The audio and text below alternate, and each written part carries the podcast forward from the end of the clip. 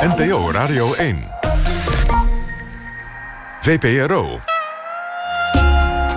Nooit meer slapen.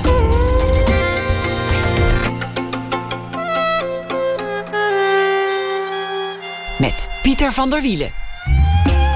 Goedenacht en welkom bij Nooit meer slapen. In de reeks Dode Denkers hoort u vannacht schrijver Susanna Jansen, schrijver van het Pauperparadijs. Zelf, godzijdank, nog in goede gezondheid.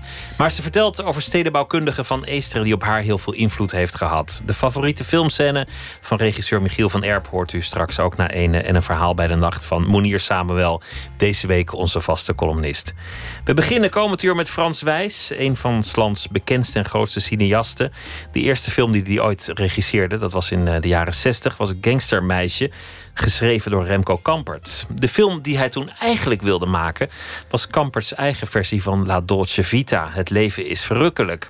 Een verhaal over jeugd, levenslust en de zomer in de stad.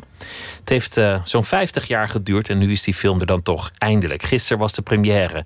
Reinoud Scholte van Aschat en zijn eigen zoon Geza Wijs spelen de hoofdrol. De film is niet alleen een verfilming van het boek van Kampert, het is ook een, uh, een ode aan de cinema in, de films van de jaren 60. Met jazzmuziek, absurdisme en de vrolijkheid die je kent uit uh, sommige Nouvelle Vague films. Frans Wijs werd bekend met vele films, dat zei ik al. Rode Sien, De Inbreker. Zijn trilogie over de Tweede Wereldoorlog. Die begon met Leedvermaak, eindigde met Happy End. En hij heeft ook een film en een indrukwekkende documentaire gemaakt... over de kunstenares Charlotte Salomon. Frans Wijs werd geboren in 1938. Hartelijk welkom, uh, Frans. Dank. Zo'n zo première, ja. hè? Want, want je bent ook de tel kwijt. Ik, ik heb de tel ook niet, maar je hebt tientallen premières meegemaakt. Ben je dan nog nerveus? Nou, gisteravond niet, gek genoeg. Toen werd ik pas nerveus toen ik naar huis ging uh, en het af, afgelopen was. Nee, eerlijk is eerlijk, ik, dit is een film die zo, ik zou bijna zeggen, hors concours is voor mij. Ook misschien omdat ik er zo ontzettend lang, ja, eigenlijk niet mee bezig ben geweest, maar wel altijd was hij, was hij er. Hij, Ergens in je hoofd was die film er altijd. Uh, vele malen uh, geprobeerd om, om het tot leven te wekken. Ooit nog met Remco. En dan heb ik het over 30 jaar geleden waarschijnlijk. Dat, uh, toen had hij een boek geschreven. Dat heet Miepje en Harm Story.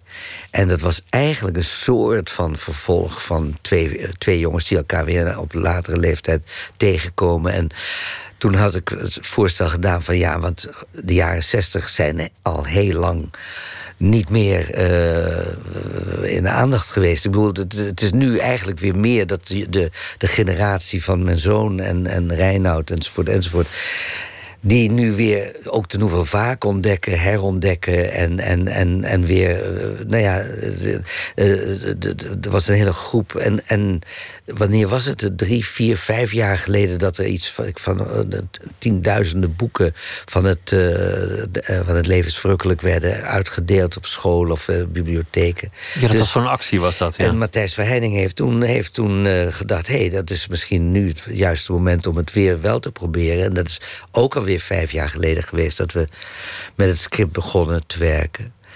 En ik weet nog steeds niet zeker of het waar is dat Remco tegen Matthijs heeft gezegd... maar dan wil ik wel dat Frans het regisseert. Maar je werd tien jaar geleden werd je geïnterviewd. Ja. Ook op de radio. En toen vroeg iemand, wat wil je nou nog echt maken? Want Ja. die dacht, nou, die Frans Wijs wordt al een dagje ouder. Ja. Laat ik maar vragen wat hij nog wil. En toen zei je, nou, één ding moet zeker nog gebeuren. Dat is, het leven is verrukkelijk. Dat zei je toen. Dus, Ja. dus dit is wel een belangrijk project voor Ja, je. Is het ook. Eh, Is het, was het, is het en, en blijft het hopelijk. Maar, ehm, en het is een film die ik met. Maar waarom? Als ik die vraag aan mezelf stel, en hij wordt ook regelmatig gesteld, dan weet ik het eigenlijk niet. Want dan denk ik, ja, wat gebeurt er helemaal op die dag? Twee jongens worden verliefd op een meisje waar ze eigenlijk alleen de, de naam van kennen, Panda. Maar achternamen bestaan er niet, familie bestaat er niet, eh, de afkomst bestaat niet. Daarom vond ik het heerlijk eigenlijk dat een, eh, een meisje uit, eh, uit, uit, ja, ik, ik zeg Vlaanderen, maar ze komt uit Brussel. En, maar heeft een Nederlands sprekende moeder. En, maar dat het een Vlaams is, ook om de, de, dat de liefde van Remco voor, voor, voor, nou ja, voor het, eh, de, eh, het, het Vlaams. En eh, hij heeft gewoond toen ik hem leerde kennen. En ik ben in zijn huis gaan wonen toen ik uit Rome terugkwam na de filmschool daar te hebben doorlopen. Toen ging hij naar Antwerpen en ik ben in zijn huis gaan wonen. En daar vond ik. Maar ik maak geen enkele zin af, maar ik zal proberen deze wel af te. Daar vond ik op zolder bij hem een klein aantekenboekje. En daar stond op: Het gangstermeisje, notes voor een roman. En toen dus uiteindelijk, om de sprong te maken, ik eh, al met hem bezig was geweest met, eh, het, eh, met het proberen een script te schrijven van Het leven is verrukkelijk. Daar was plotseling ook een producent die daar belangstelling voor had. Die producent ging helaas failliet. Waardoor eh, Jan Vrijman, waarna Jan Vrijman met, eh, nou ja, die weer bevriend was. En die eigenlijk, ik weet, ik weet nog steeds niet of, of hij de meest is in de, in de Mees en Boelie. En nu ga ik waarschijnlijk in raadsel spreken voor heel veel mensen. Maar de twee jongens die in de film, dus de, nou ja, zeg maar de. De, de, De, hoofdpersonen, vrienden, dat zijn Mees en Boelie. en die zijn, een, daarvan is er één, een- of alle twee, een beetje Remco. Maar van alle twee misschien ook een beetje Jan Vrijman. Want daar wonen die mee samen bij het Vondelpark. Dus er zit wel een soort systeem in de madness. Ik bedoel, het is... En toen belde Jan Vrijman me op. Die zei, zal ik het dan produceren? Dat leven is verrukkelijk. Met het gevoel ook van, dat is toch ook iets waar ik, waar ik iets van weet. En toen zei ik, nee, maar Jan, daar heb je het geld niet voor. Het is een hele dure film, want ik wilde een soort musical maken. Enfin, eh, The Sky Was the Limit. En, en, eh, en toen eh, ze- zei ik, maar ik heb een boekje gevonden. Het heet Het Gangstermeisje. En die titel alleen al... Ik heb geen idee of hij meer heeft geschreven dan alleen die aantekening. Want het was een aantekening van niks, van een bassist die vastzit. En, eh, enfin, het woordje bassist kwam, kwam een paar keer terug. Maar laten we een keer vragen hoe ver het met, eh, met dat boek is gesteld. Want de, de titel alleen al. En dat werd je eerste film, En dat werd Gangstermeisje. mijn eerste film. Maar dit had je eerste film misschien wel moeten worden als er geld was geweest, als de producent niet over de kop was gegaan. Nou ja, als, Maar hij als, was als. nooit zo geworden als hij nu is. Echt, het, het, het, eh, Willeke van Amelrooy, die een rol speelt in de film, die zag de film en die zei: Frans, dit had je 50 jaar geleden nooit kunnen maken. En ik weet niet wat ik wel had kunnen maken. Maar toen was je zelf een jonge man. En het gaat over jonge mannen. En, en nu Ja. ben je zelf geen jonge zit de man meer. nostalgie dus erin. Ik bedoel, dat de, ik De- denk nu dat- kijk je naar de jeugd en denk je: goh, ja, zo was het. Ja, maar je ziet ook, je ziet ook eindes. Ik bedoel, je ziet ook waar het, waar het, waar het, hoe het kan gaan. Ik bedoel, toen was het alleen maar het veroveren. Maar wat gebeurt er na het veroveren? Dat is een heel leven weer wat je. En niet dat dat in die film zit, maar wel de kennis ervan. Dat, tenminste, dat denk ik ergens. Want Het nogmaals, perspectief daarop. Ik hoor mezelf praten. Dat is al Maar- irritant genoeg. Ik vind, het, ik vind het een prachtig beeld van wat jeugd is. Namelijk een, een- dat je in een park loopt en er is een meisje. En je komt nergens vandaan en je gaat nergens naartoe. Ja. En, en de tijd is eindeloos, de mogelijkheden zijn onbeperkt. Alleen je hebt er geen weet van. Je ziet niet alle mogelijkheden. Kortom, het leven. het leven. En dan is er één iemand die, en dat was ook Remco, die eh, schreef in een, weer een andere, eh, wat ik, wat ik laatst las, dat hij ooit zat met het woord verrukkelijk en het toen opschreef als verrukkelijk. En vanaf dat moment, ik geloof dat hij zes weken later het boek had geschreven. dat woord kwam in hem op en hij dacht... Dat, ja, en toen Dat wordt het. zet, hij daar iets voor. En, eh, en dan komt er achteraan zij panda. Dus de naam was er. eh, dat is een geboorte. Dat is dat er, dat er inderdaad een soort. Ja, iets begint te komen. en Het hij was er ook bij, hè, gisteren, bij de première. Ja, het was, ik heb een enorm risico gelopen door letterlijk vanaf het podium. Want. eh, eh, en hij zat in een loge helemaal aan de andere kant eh, van, de, van, de, van, de, van de zaal. En, en toen heb ik inderdaad met de microfoon ben ik naar hem toegelopen om te vragen hoe hij die film vond. Want hij zag hem voor het eerst. En dat was. Ik, ik besefte pas na afloop eigenlijk wat een risico ik had genomen. Want hij had ook kunnen zeggen: Ja, sorry Frans, maar laat ik eerlijk zijn. En ik vroeg hem ook nog, terwijl ik het vroeg, zei, en eerlijk, hè? Met duizend man in de zaal. Ja. Al je familie, al je Oh vrienden. Ja, als, als het. Ja, ja nee, dat, eh, dat, dat. Maar het was wel. Ik, ik, ik meende het echt. Hij heeft van het begin. dat ik. Hij heeft de trailer één keer gezien. Eh, dus hè, de, de, de, twee minuten van de film had hij gezien. En hij zei: Ik wil niet de hele film zien, want die is klaar nu. Dan, kun je hem, dan ben je toch wat rustiger bij de première. Nee, ik wil, met, ik wil, voor het, ik wil nog één keer naar Tuschinski over de rode lopen en de film zien. En al dus geschieden. Ja. De film is ook, ook een, een, eh, een soort ode aan de cinema van de jaren zestig. Er zitten, zitten vingerwijzingen in naar de Nouvelle Vague, omdat er muziek bij gecomponeerd is, jazzmuziek. Ja, er dat zit, is dat absurdisme zit erin. En dat is een wonder. Ik bedoel, eh, een big band Van Conrad Koselleck. van... eh, van? Conrad Koselleck, zijn, zijn band. Nee, Oh nee, nee, hij heet... Eh, Kwekzilver was Ja, het. nou, Kwekzilver. Maar wat een Dan Ja, dan word ja, jij op je hoofd gevallen en dan ga ik namen verwissen. David Kwekzilver. David, eh, de- waar ik een, eh, een van was. Ik bedoel, ik, ik, vroeger was dat bij House of Kater zo... dat ik op, altijd maar weer naar, naar Shaffi wilde... om, om House of Kater te zien. Al, al was het in de pauze van, het, van de voorstelling. Als ik weet dat, dat ze spelen, wil ik erbij zijn. Het is echt een ontzettend mooie band. van- Met 24 blazers en zo. En ik heb in Rome altijd geleerd... nee, Frans, violen. Je moet violen nemen, want dat, dat, dat, dat, dat beroert de ziel. Dat, dat, eh, en, en, en, en, en, nou ja, en dan eh, was er een componist die zei... nee, de piano gaat naar de hersenen. Maar je moet als je slim bent, dan moet je gewoon dus inderdaad gewoon... eh, want muziek is eigenlijk het, het onbewuste van de acteur. Alles wat hij niet wil zeggen of kan zeggen, dat vult de muziek in. Dus ik dacht, oh, maar ik was zo weg van die muziek en van, het, van die, ook van die pulsering bijna. Ik had ook steeds het idee dat Vondelpark dat moet, moet pulseren. Dat, daar, daar kwam bijvoorbeeld het idee van een tapdanser uit voort, enzovoort, enzovoort. En toen ik dus op een gegeven moment dacht, nee, we gaan het...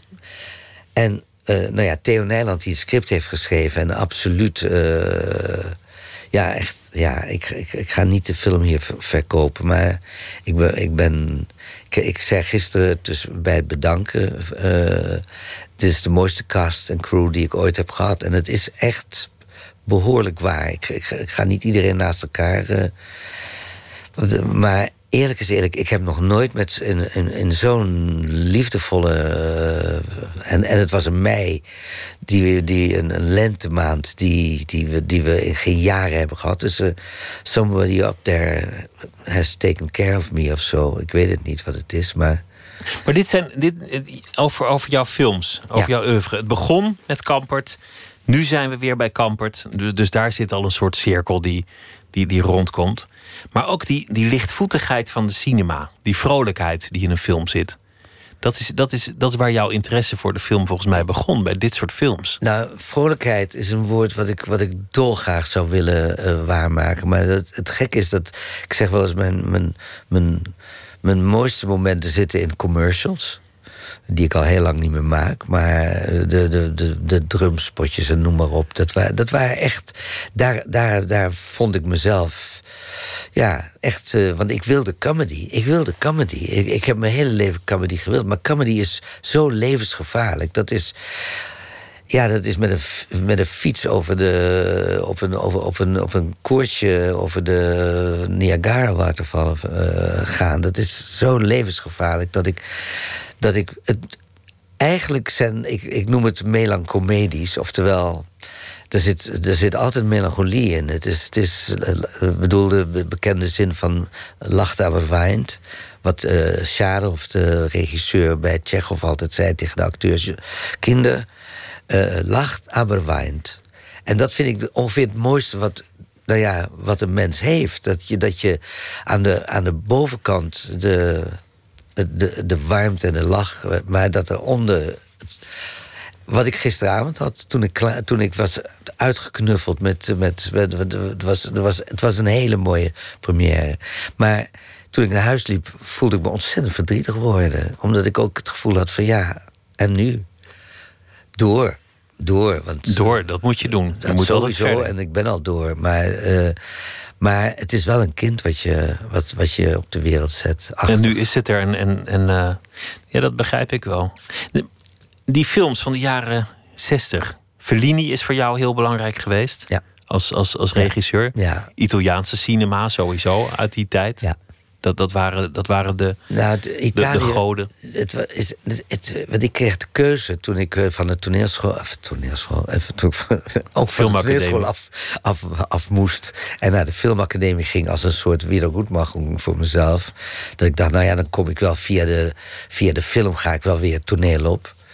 Uh, maar uh, het is waar dat ik... Uh, ik was de eerste leerling die zich aanmeldde bij toen. Ik was, het was ook een school nog van niks. We hadden nog, was nog geen camera. Er was alleen maar praten over film. En dat ik toen nou ja, het, geluk had dat ik via de OKW heette toen nog... Onderwijs, Kunst en Wetenschap geloof. Die gaven mij een studiebeurs om nog in het buitenland ergens les te kunnen krijgen. En dat was keuze en...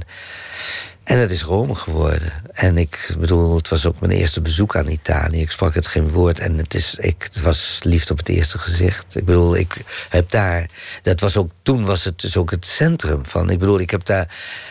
Ja, ik bedoel, ik, ik heb al heel vaak verteld dat ik, dat ik uh, Liz Taylor een, een, vuurtje mocht geven... en, de, en Orson Welles in de gang tegenkwam. En dat, dat is dan weet je ineens... hé, hey, film is gewoon werken. Het is gewoon werken. Soms succesvol, soms met pijn. Maar het is werken. Het is niet uh, dat er een wonder wat, wat moet geschieden. Het is, je, je maakt het met elkaar. Het is, een, het is iets wat je... Ja. Maar je hebt, je hebt ook Fellini daar, daar gezien, ja. van, van nabij meegemaakt. Ja. Ja. En, en de, de andere grootheden die er waren... die, die, die waren daar ineens in dezelfde ruimte als jij. Zaten koffie te drinken, krantje te lezen. En ook de grote, uh, ook Richard, uh, hoe heet die, Burton. En, en ook uh, mijn held uit Sing in the Rain. niet Gene Kelly, maar de Donald O'Connor. Die stond op een dag gewoon bij de bar waar ik ook mijn koffie dronk. En in de, in, daar in die studio's. En, en dan weet je ineens, ik kan hem aanraken. Ik, kan, en ik was echt een bewonderaar ook van, van nou ja, van die film. Maar uh, uh, ja, Italië is voor mij... Ja, uh, waar, waar, waar, waar ik voor het eerst in ieder geval het gevoel had... het is maakbaar. Het leven maakbaar. is maakbaar. Het, nee, ja, maar vooral de film is maakbaar. De film is maakbaar. Ja. Je maakt het met ja. je handen. Ja. Je, je, je, hebt er invloed met, op. Met mensen samen. Het is, ja, ja, en het is iets wat ik... Nou ja, ik, uh, dat is, en de gulzigheid is, is nooit gestopt. Ik bedoel, ik, uh, zelfs nu uh, zit ik alweer te denken van naar, naar de volgende film toe.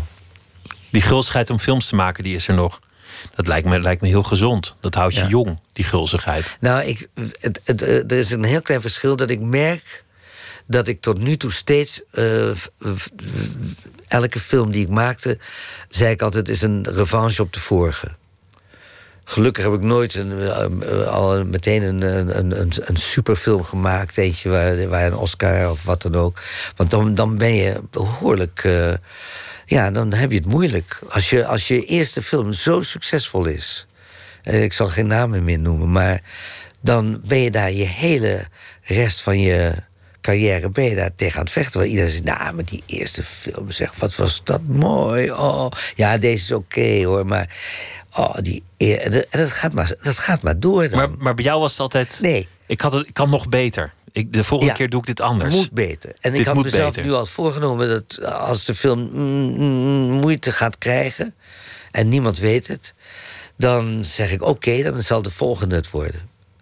En dat, dat is nu een, een, dilemma wat, wat misschien al heel snel weer wordt opgelost door de werkelijkheid. Maar dat ik niet meer dat gevoel heb van ik moet nu bewijzen dat ik wel degelijk een mooie film kan maken. Ik zeg, dit is echt een, een film die ik, waar ik gisteravond. Ik was voor het eerst echt niet zenuwachtig. Totaal niet, nee. Dan ga je gewoon de volgende film maken om, om redenen die in die volgende film liggen. Maar jij wilde eerste acteur worden. Ja. Dat, dat, dat is ook interessant. Nou ja, dat is. Waar, waar kwam dat vandaan? Wie, wie- Dat want is, jou- want ik ben heel kort eh, gezet. En, en, nou ja, ik, ik heb steeds. Dat is het nare van ouder worden. Is dat je, dat je jezelf gaat horen. Dat je ook weet. Ik heb deze verhalen wel eens verteld. Maar in ieder geval, heel kort. Ik was ondergedoken in de oorlog. Toen was ik. eh, wat ik nou, ik, iedereen weet nu langzamerhand. De, het geboortejaar. Ik zelf probeer te vergeten. Maar ik, eh, het is er. En, eh, en ik zeg altijd. Eh, het is in the eye of the beholder. eh, wat leeftijd betreft. Ik, bedoel, ik, ik voel me de dagen lang 90 en ik voel me dagenlang 70 of 60. Nee, maar dus, de- de- ik wil het er ook echt niet meer over hebben. Ik vind het een, het meest vervelende onderwerp wat er is. Oud Maar worden vind je een vervelend onderwerp. Niet oud worden, Leeftijd. maar oud zijn. Dat is het. Dus oud worden is, is, is niet erg. Dat vind ik, vind ik zelfs wel een, een verrassende eh, lijn die je, die je aflegt. Het is, eh, want je komt wel weer hele andere dingen tegen. Maar oud zijn wil ik nooit worden. Nee. Maar je, je jeugd, want je, je groeide op als, op als ondergedoken boerderij kind. eh, tussen de koeien. En, en, en, en, en, en, en toen mijn moeder als enige het overleefde en mij kwam halen van de boerderij, toen zag ik mijn allereerste film en hoorde ik van mijn moeder dat mijn vader acteur was, die in 33 uit Berlijn is gevlucht. En eh, toen zag ik een film met Abbott en Costello of Laurel Hardy. In ieder geval was het een film die me zo, zo vrolijk en zo echt gelukkig maakte om, om naar te kijken. Dat ik dacht, maar dit wil ik. En toen zei mijn moeder, ja, maar jouw vader was acteur. Maar hier komen zoveel dingen bij elkaar wat je, wat je hier zegt. Want je hebt het vaak verteld, dus je, je vertelt het heel snel. Maar je vader die je nooit echt gekend hebt. Je moeder die terugkomt uit de oorlog. Dat is natuurlijk een loodzware situatie. En dan, Maar dan niet een- in mijn ogen. Weet maar je, niet dat- in jouw ogen. en dan die vrolijkheid van die film, een lachfilm. En Ja. dan horen dat je vader acteur is. Nou, dan, dan kan ik me ook voorstellen dat je denkt: oké, dat, dat kan je dus worden. Dat is dus een beroep. En misschien ook de aandacht van je moeder die met jou naar de film gaat. Ja, Al die dingen. Ja, ja dat, dat- is waar. Maar ik, ik denk dat. Zie mijn zoon, ik bedoel, die naar naar mijn vader is genoemd. En, eh, en die. eh, en die absoluut eh, als acteur nu al meer talent heeft dan ik ooit heb gehad. Dus het heeft een sprong gemaakt. Een generatie later Ja. is er weer een acteur. Ja. En Maar je zei, voor mij was het, was het niet zwaar. Voor mij als kind was het, was het niet dat Nee, loodzware het verhaal. gekke is, eh, en dat is, ik weet het niet. Het is, het is eh, hopelijk niet leeghoofdigheid, maar het is gewoon dat ik, dat ik denk, ja, ik kan, ik, het woordje zielig komt niet in mijn vocabulaire voor. Ik heb me nooit zielig gevonden, terwijl mensen zeiden, als ik weer vertelde dat ik had ondergedoken gezeten, dat ik eh, bijna was meegenomen, enzovoort, enzovoort. Dan denk ik, nee, dat wil ik allemaal. Ik, ik, ik, ik wil, ik wil, ik wil, iets, ik wil iets moois maken. En dat is eigenlijk het enige. En ik, ja, ik, eh, eh, nogmaals, ik, ik, ik, ik, ik google bij wijze van spreken zelden familieleden of mijn vader. Of ik, ik wil, terwijl tegenwoordig hebben we een, wereld waarin je nog je, je voorouders kunt opzoeken, bij wijze van spreken. Ik bedoel dat je alles kunt uitvinden over iedereen. Ik moet eerlijk bekennen, ik heb jou niet gegoogeld, maar normaal gesproken, als ik weet dat er iemand komt die mij vragen gaat stellen, wil ik eigenlijk.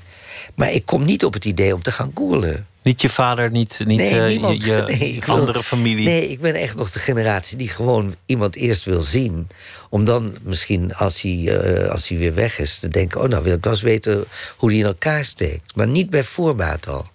Maar wa- wat je eigenlijk zegt is dat het, dat het op die boerderij kennelijk wel prettig was. Of, of dat het niet voor jou een nare tijd heel- was. Ik was daar gelukkig. En dat, dat die zwaarte, die heb je nooit geaccepteerd. En misschien vond je die, die gebruik toch maar weer dat woord vrolijkheid, die, die je eigenlijk wel zocht, die vond je ook voor een deel in die film. De film was natuurlijk een wereld die, die ja, alle, Nou, van ja. allerlei vermaken bood. En, en, en comedie en pret. En- Ja, want toen was ik acht misschien, denk ik, acht, negen... toen ik voor het eerst een film zag in mijn leven.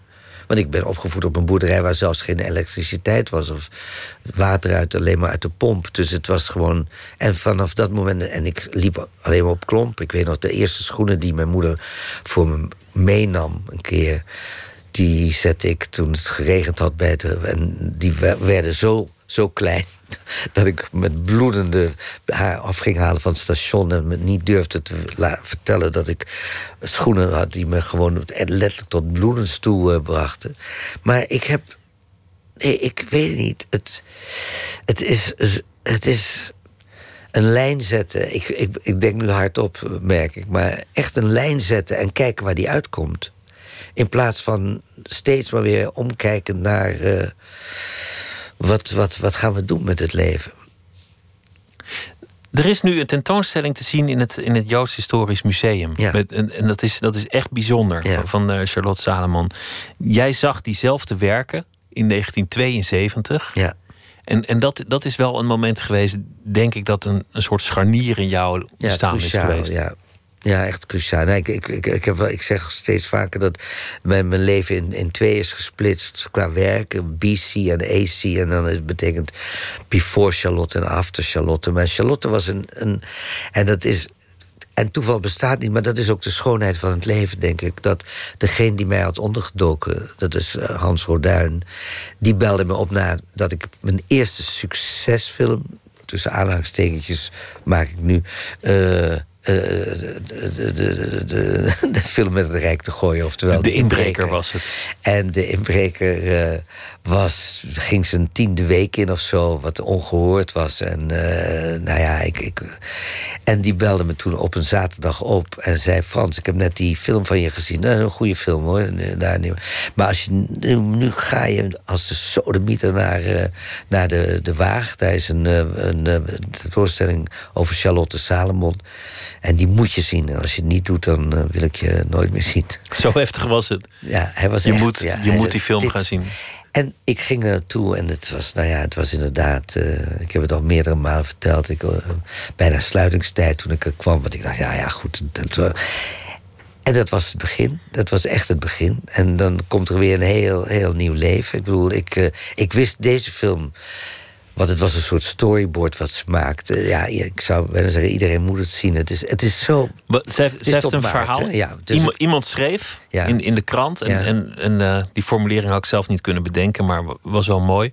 Haar levensverhaal zou een baksteen nog aan het huilen maken. Ja, mooi. Dat vond, vond ik mooi, mooi eh, geformuleerd. Wie was dat, weet je dan? Nee, weet ik niet. En iemand in die een stukje schreef erover. En dacht van, goh, wat een mooie formulering. Ja. Maar zij heeft, zij heeft dat verhaal in platen. Bijna als een stripboek of een storyboard. Het was een storyboard. Ze, ze, ze, vermeldde zelf welke eh, melodie je moest neurien... terwijl je naar dat, naar dat werk keek op dat moment. Dus bij wijze van spreken... Ze, eh, dialoog die je, waarin je letterlijk in, in, in, in de gezichten van de getekende figuren van haar en, en, en, en de man die ze zo als, als guru bijna had, eh, eh, dan zag je.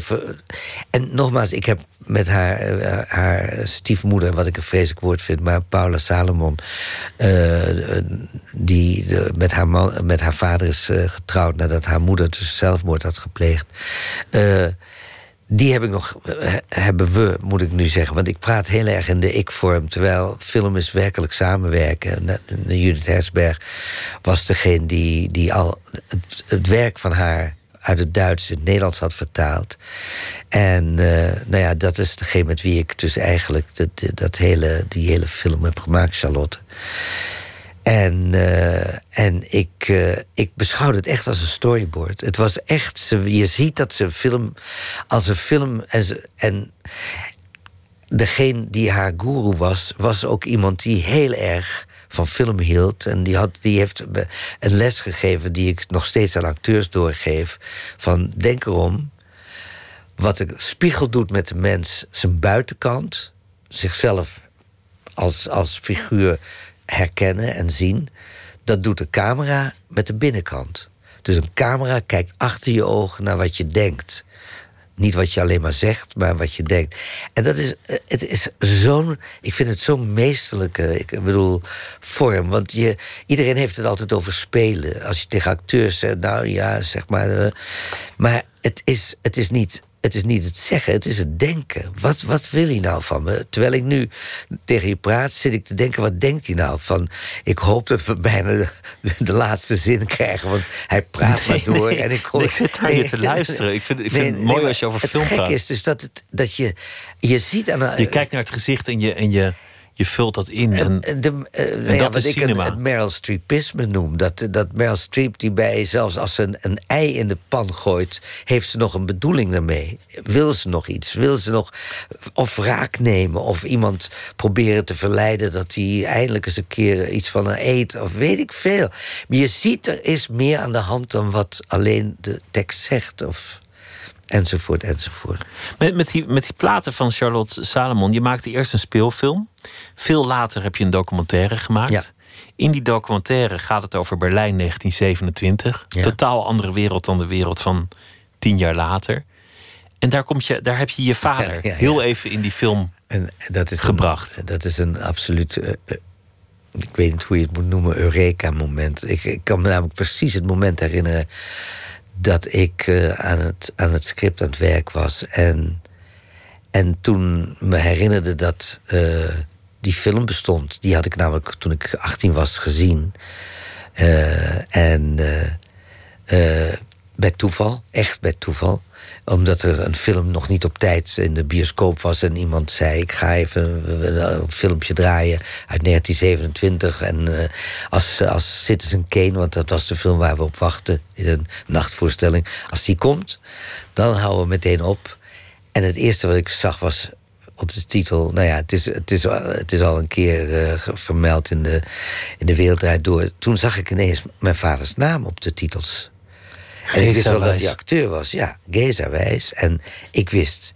En ik weet nog dat, dat, dat ik gewoon. Ik, ik, ik durfde niet eens tegen vrienden die naast me zaten te zeggen dat het familie was. Ik bedoel, ik dacht, oh god, als het niet goed is wat hij doet, dan uh, schaam ik me dood voor. Weet je wat? is echt. Maar ik dacht ook, ik moet dit gewoon eigenlijk met dichte ogen en, en wachten tot, tot ik mijn moeder mee kan nemen om haar ook die film te laten zien. Want ik dacht, dit is een historisch moment. Ik bedoel, ik bedoel wat dat betreft uh, ben ik natuurlijk toch ook nog een, een, een ijdeltuit. en, ik, en toen zag ik hem. En ik zag ook meteen... Want ik wist al van Rob de Vries... van wie ik ooit les had gehad op de toneelschool... dat het een een, een, nou ja, dat het een hele leuke man was, maar heel klein. Hij was een hoofd kleiner dan ik en ik ben al heel erg klein. Maar dat kwam doordat hij een, een nou ja, een, een, op zijn achttiende al regitis, ik weet niet, het is een, een, een, een, ziekte waar, waar, kennelijk. Maar hij had dus, hij, hij had als vaste grap ook dat hij zei van, u denkt dat ik zit, maar ik sta. en hij, hij bleef dus gewoon op dezelfde hoogte doorgaan als hij. Als hij van zijn stoel kwam, dan, dan, veranderde de hoofd van het hoofd niet. Nee, nee.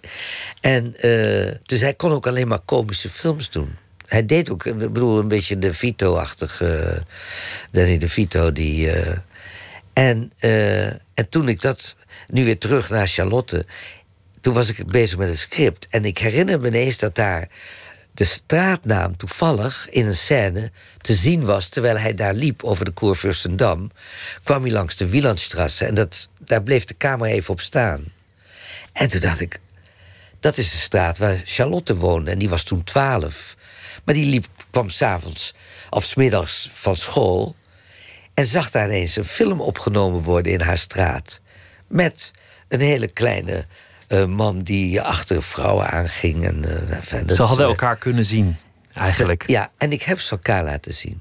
In die film. Ja. Maar eigenlijk zeg je daarmee ook, zonder dat je dat zo bedoelde die film gaat natuurlijk ook over, over, over mijn vader. Gaat ook over mijn familie, over, over, ja, over mijn leven. Als je het zegt, denk ik meteen ja en nee tegelijk. Want ik denk. Want je schrikt ervan. Ik, uh, ja, ik weet nog dat ik wel. Wat ik het meest bijzonder vond. Wat, wat, wat, in het script schreef ik toen daarna. Als ze elkaar daarna ooit nog hebben gezien, nog een keer hebben gezien, is het in Auschwitz geweest. Want mijn vader is daar vermoord en zij is daar vermoord. En dat is natuurlijk, dat is, ja, dat, dat is, dat is, ja, nare sprookjes uh, ideeën. Dat je denkt van, maar ik schreef het wel als zinnetje op, maar ik heb het nooit op die manier verder willen gebruiken. Maar het was niet echt, het was, ik, ook allemaal ijdelheid. Maar het is, eh, eh, bedoel, met zo'n microfoontje voor je pratend is ijdel eh, natuurlijk, omdat je denkt van dat het echt. eh, nou, ik, ik stop hiermee. Maar in ieder geval, wat ik bedoel te zeggen is dat ik het eigenlijk nog heerlijk vond en echt eh, dat ik mijn vader weer teruggebracht had naar de bioscoop in, in een film. Dat, ik Dat, hij, dat hij weer even terwijl ik hem daar was, waar, wat zijn beroep was, Precies. wat zijn En- leven en- was. En ik heb Ja. hem nooit echt bewust gekend. Ik heb hem gekend als, als ja, ik bedoel, ik, ik, ik, ik herken hem in mijn zoon, bij wijze van spreken, nog eerder dan dat ik hem heb gekend. Maar er is nog een aspect aan het verhaal van Charlotte Salomon. Want dit, dit verhaal was. Die, die kunst die heeft best wel furoren gemaakt. Heel veel mensen die, die heeft dat heel erg geraakt. Maar die, ze heeft, op het laatst kon ze geen tekeningen meer maken. Werd het, werd het steeds meer tekst. Omdat ze dat verhaal wilde vertellen over haar familie. Over hoe ze verjaagd zijn uit Duitsland. Over de zelfmoorden over wat ze aan de Côte d'Azur meemaakten, et cetera. En er is een ander deel dat kreeg jij in handen gedrukt. Van, een van de familieleden. Hoe die brief verder ging. Een bekentenis die niemand had vermoed. Die ontzettend gruwelijk is. En er werd bijgezegd: zou je die alsjeblieft niet in die film willen gebruiken? Nee, het is, het is iets anders, maar het komt wel op hetzelfde neer. Het is zo dat wij in 19 eh, 75, eh, Judith en ik, Judith Herzberg en ik, ehm, bezig waren. Op een dag kregen wij inderdaad eh, van Paula Salomon toen we op het punt stonden om. Want we gingen e-, één, één middag per week met haar het werk van Charlotte doornemen. En ook vragen wie was dat op die tekening. Maar was ze daar echt. eh, enzovoort, enzovoort. Dus gewoon proberen letterlijk de werkelijkheid achter de tekeningen te, te ontdekken. Ehm, toen eh, werden we tegengehouden voor- voordat we naar buiten gingen. En zei, wacht even, ik pak even iets. En toen kregen we dus inderdaad een aantal vellen papier. Eh, geschreven nog eh, met, met verf, eh, zoals ze het hele werk in, met, met, met verf heeft gemaakt. En, daarin, en toen zei wel Paula meteen... "En maar ik wil dat jullie het kennen, dat jullie de inhoud ervan weten... maar ik wil niet dat het in de film wordt gekomen. En dat hebben we ook niet gedaan. Maar later in de documentaire. Later in de documentaire, toen echt iedereen er niet meer was... die nog daar, eh, als het ware, mee te maken had... Ik bedoel, er, is geen familie meer. Ja, er is, ja nou, er, is, er is vast nog wel familie. Maar, maar in ieder geval niet meer in, in deze, in zo, zo nabij dat het, dat het pijn doet. En ja, ik ben er nog, weet je, nu ik, nu ik het weer eh, hier, hier tegenover je zit en het eh, probeer te verklaren, zeg ik nee. Het was, het was absoluut een, eh, iets waarvan ik dacht, nee, dat, ze zou het zelf ze zou het zelf goed vinden om het, om het te doen. Maar dat is ook weer een aanname die nergens op Ik, slaat. ik denk dat het goed is dat je het hebt gedaan. Nou dat ja, dit verhaal ik- verteld ik is. moet je vertellen En- dat ik, ik... Ik heb wel eens vaak... Dat, eh, ik droomde tijdens de film die ik in Berlijn maakte voor een groot deel... Een aantal keren heb ik gedroomd dat ik er tegenkwam in mijn droom. En dat ze dus niet aardig was. Dat ze echt iets had van, waar ben je mee bezig? Ik bedoel, dit is het niet wat ik bedoel. En dat ik, daar, dat, ik, dat ik heel erg naar de moeder toe werk. Tenminste, naar Paula. Dus Paula is, is echt een koningin. Ik bedoel, die was, die was echt... Ze is 102 geworden of zo. Ze was sterk als een, als een leeuw. En toen ik de documentaire maakte... heb ik er weer een aantal keer gehad... eh, dat ik droomde dat, dat ik er tegenkwam... en dat ze ineens heel, heel, heel vriendelijk en lief was. Dat ze het Een soort goedkeuring die via ja, je, en- via je droom dat kan tot ik je kwam. wel zeggen. En, maar maar het, is, het, het vreemde is dat ik denk er is, dat, eh, dat het in me dat toch kennelijk echt wilde zeggen. Ze, en ik wil er ook nog bij zeggen dat wat er in, in, in die, die, die gecensureerde eh, brief staat, dat die nog net zo met dezelfde, in dezelfde soort stijl is als de rest van haar werk. En ze heeft het ook bij haar werk gestopt. Zij wilde gewoon dat woorden, verhaal vertellen. Ze wilde dat verhaal vertellen. Want zij heeft, haar familie die gingen één voor één dood. Zij eindigde met een, met een, een opa die, die niet een aardige man was. En dan druk ik me zacht uit. Die haar psychologisch folterde. Die, die, die haar kleineerde. Ja, ja, wanhopig en, en, en verongelijkt dat het leven hem, hem op deze plek had gebracht. Het was een arts en een, en een met het uiterlijk van, van, uh, van een, nou ja, van een echt, echt, echt een, een, een, iemand die je, uh, ja, waar je hoe heet die Shaw? Uh, ik bedoel, echt een, een notabele. Een, notabele, echt een, een, waar je alleen maar waar je of bang of respect voor uh, had. En als je, als je dan leest hoe ze daar samen in die onderduikperiode zijn geweest, dan in, in Zuid-Frankrijk, dan voel je dat het echt niet meer te houden was. En dat hebben we wel in de film proberen te vertalen, in de speelfilm dus. Want daarin was het ook een horsel, die man. Ja. Maar zij heeft hem vergiftigd. Dat is, dat is eigenlijk waar het op neerkomt. Ja, hoewel nog steeds als ze hem een reep chocola had gegeven, zeg ik altijd. En hij was dan uh, de, uh, niet meer in leven gebleven. Dan uh, had ze ook nog steeds gedacht dat het door die chocola was gekomen. Ik, ik, ik, Misschien heeft ze hem wel helemaal nou, niet nee, vergiftigd. Nou, dat, in ieder Misschien geval, denkt ze dat. Ja, nou dat denk ik omdat ik bedoel, uh, ik, hij, is, hij is gevonden op straat. Hij, heeft een, hij, is, hij is op, op straat. De mensen die hem vonden, die wisten waar hij woonde en hebben hem naar zijn huis uh, gebracht. En daar is hij gestorven. Dat is eigenlijk het, het, zoals het staat geschreven in de annalen van in, in Nice van die tijd. Dus. Ehm, ik weet het niet. Ik denk dat zij met haar ja, theatraliteit. Ja, ik hoop het. Ik, ik hoop dat, dat, het, dat het zo is. Maar nogmaals. Het, het, ik bedoel, ik, ik merk steeds meer. We, we, praten over film, we praten over toneel, we praten over alles. Maar, uh, maar het komt allemaal bij elkaar voor mij.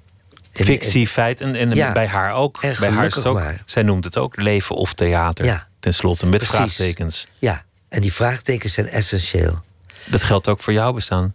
De, daarmee, want, want je begon, je zei, ja, mijn commercials waren me dierbaar. Toen noemde je het drum. Nou, niet dierbaar. Ze, daar zitten mijn mooiste, moment, of mooiste, de lekkerste momenten in. We hebben de, het over vrolijkheid, comedy, de lichtheid, comedy, comedy, ja, pret. Ja. Uh, en dan, dan vanaf 72 en, en daarna Ja. de trilogie over de oorlog, de, de film over Charlotte Salomon, dan, dan komt die zwaarte die mensen altijd in jouw leven vermoeden, ja.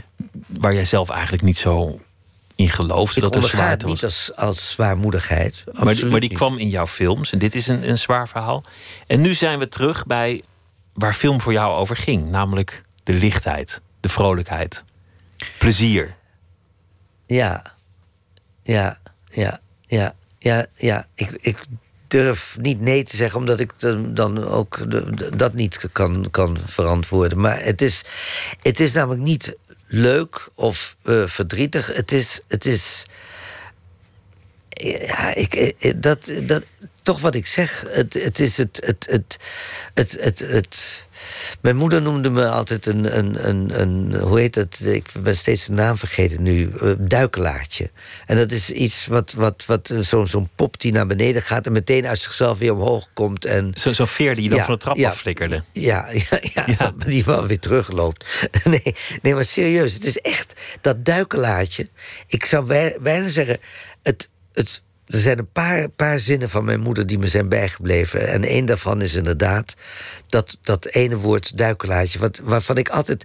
Want ik heb er niks mee. Ik bedoel, ik heb. Ik, ik, kan het me ook niet herinneren als speelgoed. Maar ik vind het een, een, een, een. Het is bijna een onderscheiding die je krijgt eh, eh, voor, voor, voor in leven blijven. Dat je je steeds weer opricht en weer, weer, weer, weer doorgaat. Dat is wat voor mij toch echt een, van belang is. Dat ik denk van ik wil. Daarom zeg ik ook: leeftijd is not an issue. Het is het echt niet. Behalve als je niet meer nieuwsgierig bent, als je niet meer gulzig bent, als je alleen maar denkt: nou ja. Ik, ik heb het nou wel gehad. Dan denk ik, oh, dat moment wil ik nooit, nooit meemaken. Ik zei, ik heb eh, steeds vaker zeg ik, hoe ouder ik word. Ik hoop dat als ik op een dag op de set ben en ik roep actie. En ik zal nooit weten hoe het shot eindigt. Dat dat de mooiste einde is van, van mijn bestaan natuurlijk. Dat je dan zo in het harnas Ja, want je roept om, sterft. Ja. om een wonder. Nou, je sterft niet. Je, je, je vraagt om een wonder, letterlijk. Want elke keer als je actie roept, hoop je dat er iets gebeurt waardoor de film zijn eeuwigheid niet meer kwijt kan. Nu, nu heb je gewerkt met je, met je zoon. Ja. En, en je zei net, dat vond ik, vond ik heel mooi, van ja, hij, hij heet naar mijn vader en hij is weer acteur. Ja. Het heeft één generatie geduurd, maar nu is er weer een, een acteur wijs. Je, je hebt heel lang geen kind gewild. Je wilde heel lang geen vader worden. Het is heel dubbel allemaal. Het is echt heel dubbel. Eh, en het is een heel lang verhaal. En ik weet niet hoe lang we nog hebben. We, we hebben uren. Nee, Nee, maar, nee, nee. nee. maar, ik kijk nu even. Er is hier geen klok. Ja, er is wel een klok. Eh, eh, het is. eh, nee, want je komt nu op een terrein wat ik, wat ik, waar ik zelf echt heel erg mee kamp. Want ik, ik heb. Ik weet nog dat de allereerste keer. Keza was geboren. Was misschien, ik weet niet, een paar weken oud. En ik kwam iemand tegen op straat en die zei: Hoe gaat het met je zoon? Ik zei: Nou, goed, die werkt nu met Pim La Parra. Hè? Die is net geboren. Wat, wat, Ik, oh, je bedoelt eh Geza? Nee, Geza die is, eh, die is net thuis en die, is, eh, die slaapt tussen ons in. En, maar wie ik bedoelde was Pief. Pief is degene die. Pief Wayman.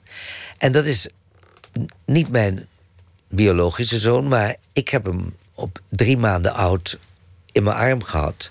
En nog twee weken later eh, heeft zich eh, zijn moeder daarbij gevoegd. En dat was een, iemand die helaas vorig jaar is overleden. En dat is Astrid Wayman, die in, in het gangstermeisje een rol speelt. En die eh, ja, mijn muze was ook. En net zoals... ik, ik, ik vertelde al dat de, de, de Kit- drie... Kitty Courbois, Kitty die was, was, was toch ook wel een... een En het meisje wat lief. Charlotte heeft gespeeld. Zowel in de documentaire als in de, in de speelfilm Birgit Doll. Die alle drie. En ik denk, toeval bestaat niet. Ik ben natuurlijk eh, met het Nieuwe en met het Oude Testament opgevoed. Dus ik heb een, ik, eh, ik heb een soort toch gevoel van... Er, is, er moet iets zijn wat ons bij elkaar houdt. Wat, eh, wat ons wel... Ik bedoel, ik hoop het zo. Want ik zou het te dom vinden als het, als het leven alleen maar hier en nu is. Dat Want je- bent- serieus. Drie muzes, drie liefdes ook wel in sommige gevallen. Die ben je verloren in, in, in korte tijd. Mhm. Ja. Die zijn er niet meer. Kitty wilde je eigenlijk nog in deze film zien, maar Ja. dat, dat, dat is niet gegaan. Maar, maar je, een, je zei van ja, ik, ik had eigenlijk al een zoon die niet biologisch mijn zoon was. En dat was voor mij ideaal, want ik durfde geen zoon. Ik af- durfde durfde geen kind. Nee, ik, zoals ik nooit heb willen trouwen. Ik ben pas tien jaar geleden voor het eerst van mijn leven getrouwd.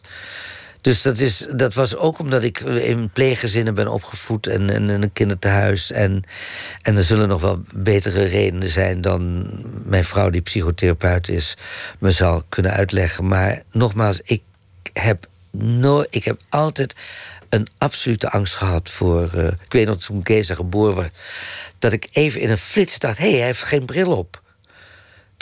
er, kwam, er kwam een kindje. Echt een heel. Helemaal, eh, en ik, ik, ik had toch het idee dat als, als hij er eenmaal zou zijn. ik wist dat het een jongetje zou worden. dat hij ook een brilletje meteen zou dragen, zoals ik. Dus ik had.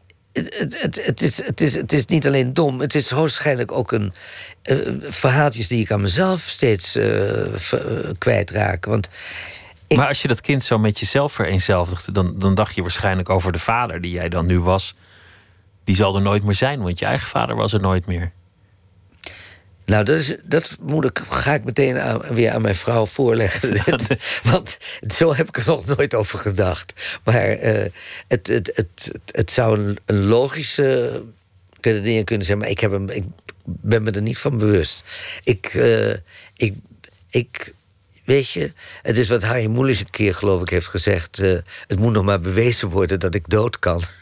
Dat is, En daar hou ik me aan vast aan dat zinnetje. Want ik denk, ja, wie heeft er nou over weggaan? We zijn net begonnen. Maar nu, nu, nu je over die, die, die angst, die heb je afgeschud. En, en, en Ja. Geza, die is een volwassen man met een, met een succesvolle carrière als acteur. En, en je regisseert hem nu. Nu sta je samen op die, op die set. Dat, dat, vind, dat vind ik toch een mooi moment, omdat daar heel veel bij elkaar komt. Nou ja, daar komt alles bij elkaar. Maar het, terwijl je het zegt, denk ik ja. Maar het verschil tussen Reinhard Schotten van Aschat, die de andere rol speelt, of eh Romy, of eh, het is een. Nou ja. eh, Je roept gewoon actie en je hoopt dat het mooi wordt, wie er ook en staat. Wie er ook staat. En, en, en met dezelfde liefde wie er ook staat. Dat we zeggen, er is wel eens één keer iemand geweest... waar, waar ik even, even niet meer de liefde voor voelde. Maar dat, dan moet het wel heel, heel, heel slecht gaan. Nee, echt waar. Ik heb, wat dat betreft... eh, ik, ik ben aanrakerig. Dus eh, ik, weet nog, ik ben nog niet in de MeToo-fase terechtgekomen. Maar ik, ben, ik, ik hou ontzettend van, van de mensen met wie ik werk. En ik, ik weet dat ik. Het is ook. Het is ook echt. Ik zit wel de hele tijd met de ik, ik, ik. Maar het is. Als ik denk aan, aan, aan, aan ook weer deze film die ik heb gemaakt. En in, in, in 25 draaidagen. Met, ik bedoel, echt een film waar je vijf jaar over doet om hem überhaupt van de grond te krijgen. En dan in 25 dagen moet draaien. En, en dan nog gelukkig blijven. Maar eerlijk is eerlijk. Het, eh, eh, het feit dat ik bijvoorbeeld voortdurend ook werd geïnterviewd samen met Geza. Dat was ik aan de ene kant begreep ik. En ik vond het leuk. En hij is een stuk intelligenter dan ik. Kan ik nu al uh, mededelen. Want ik, hij redt me ook regelmatig van. Nee, hij is, hij, hij, is echt. Hij is. Hij, hij hij is ja, ik weet het niet. Ik, zei gisteren tegen iemand... het verschil tussen drie jaar HBS en het Balletgymnasium... is toch wel behoorlijk uitgekomen. en dan heb ik het over de, drie jaar HBS. Het, uh, ik merk dat... Ja, de, de, de, de liefde is, is, is behoorlijk in dezelfde kleur... voor hem als voor degene die om hem heen staan. En het enige is dat... Het, nou, het vreemde is, dan moet ik even duidelijk ook aan mezelf zijn, is dat ik merk dat ik minder geduld heb bij hem. En dat was ook zo bij, bij, bij mensen, ook bij Kitty bijvoorbeeld. Ik, ik werd gek van Kitty soms. Hoe lang ze in de repetities. Dat ik dacht, nee, maar dat, begrijp dat nou, hoe, dat, hoe je dat moet zeggen. Totdat ik ontdekte steeds vaker dat als ik nou maar zei: Oké, jongens, we gaan hem draaien. En ik zei, oké, okay, stil en actie. Dat daar ineens een andere Kitty kwam. Kitty dan stond die, ze aan. Dan... dan stond ze aan, precies. Het is het beste woord. Dan stond ze aan. En dan, dan dacht ik, hoe heb, waarom probeer ik toch zo lang haar met repetities maar steeds ergens te krijgen? Want dat, ja, dat is werken. Maar het is, film is niet werken, maar film heet A, spelen als je acteert. En spelen is toch het mooiste woord wat er bestaat, ongeveer. En, en dan nog de, de mededeling dat je eigenlijk in dat spelen vooral moet denken... wat wil je van de ander? En wat wil hij van jou? En waar is hij op uit? En, en dat is al spannend genoeg om, om, om te blijven kijken. De, de film die ik nu gemaakt heb, Het Leven is Verrukkelijk... is gemaakt in iets van 350 instellingen. Dat is niks. Dat is niks. Dat is, dat is, dat is een kwart van, van, van wat uh, gemiddelde lekkere. Uh, en dat betekent niet dat. Maar dat is omdat je de acteurs vertrouwt. Dat je niet elk, elke zin of elke. Uh, gewoon in stukjes steeds weer opneemt. Je, je, kon, je, kon, je kon redelijk lange scènes ja. gewoon laten gebeuren, ja. laten ontstaan. Het liefst had ik de hele film in één shot gemaakt, bij wijze van spreken. Maar dat is dan weer een, een soort hoogstandje wat je, wat je, waar, waar je alleen maar gek van wordt ik kreeg meteen een verlangen naar zo'n, naar zo'n dag. Dat je, dat je dan jong bent en het is zomer en in een park. En ja, je, je gaat nergens heen. En la dolce vita, kortom. Ja. Maar er zit nu ook in dat je erop terugkijkt. Wat je, wat je net al zei. Die, die blik achterom en dat je weet wat er komt. Nou ja, die, dat, dat, zie je niet in de film, maar dat, die blik is er natuurlijk wel. Nou, de, de, de, de, de, het, het, bijvoorbeeld het einde is ik weet nog dat we de allerlaatste shot maakten. Ik zal het niet verraden, maar dat ik ineens. En, en uh, niet het allerlaatste shot van de film, maar van die scène. Wat ook bijna hetzelfde was. En dat ik ineens dacht: hé, hey, hallo, stop, stop. Het was een uur of drie of zo, s'nachts. Dat ik dacht: oh, nee, ik moet. Oh, jongens, ik moet toch nog wel. Ik moet nu toch een eindshot wel maken. Want je moet een soort een film eindigen met iets. En en ik weet toch dat ik. Uh, ze, ze, liepen weg, park uit. Of tenminste, dat deden ze nog niet. In ieder geval het shot uit, moet ik zeggen. En dat ik dacht, maar ik wil ze wegzien. Ik wil ze echt. Ik wil ze naar de horizon zien gaan, zoals het hoort bij een film, weet je wel. en dat ik iedereen terug... Jongens, nee, nog even. Mag de camera nog even terug? terug? Jongen, loop eventjes enzovoort, enzovoort. Dat ik ineens me realiseerde, ik heb ze niet, ik heb ze geen einde gegeven. En, en als je nou het hebt over Fellini, wat niet hoeft, maar nee, dat Fellini heeft me geleerd, niet mij geleerd, maar ik las dat ooit over hem. Dat hij, want in het begin eindigde nog steeds, elke film eindigde met The End of Fine. Of, de cowboy die naar de horizon loopt ja, met. En dan komt het woordje einde.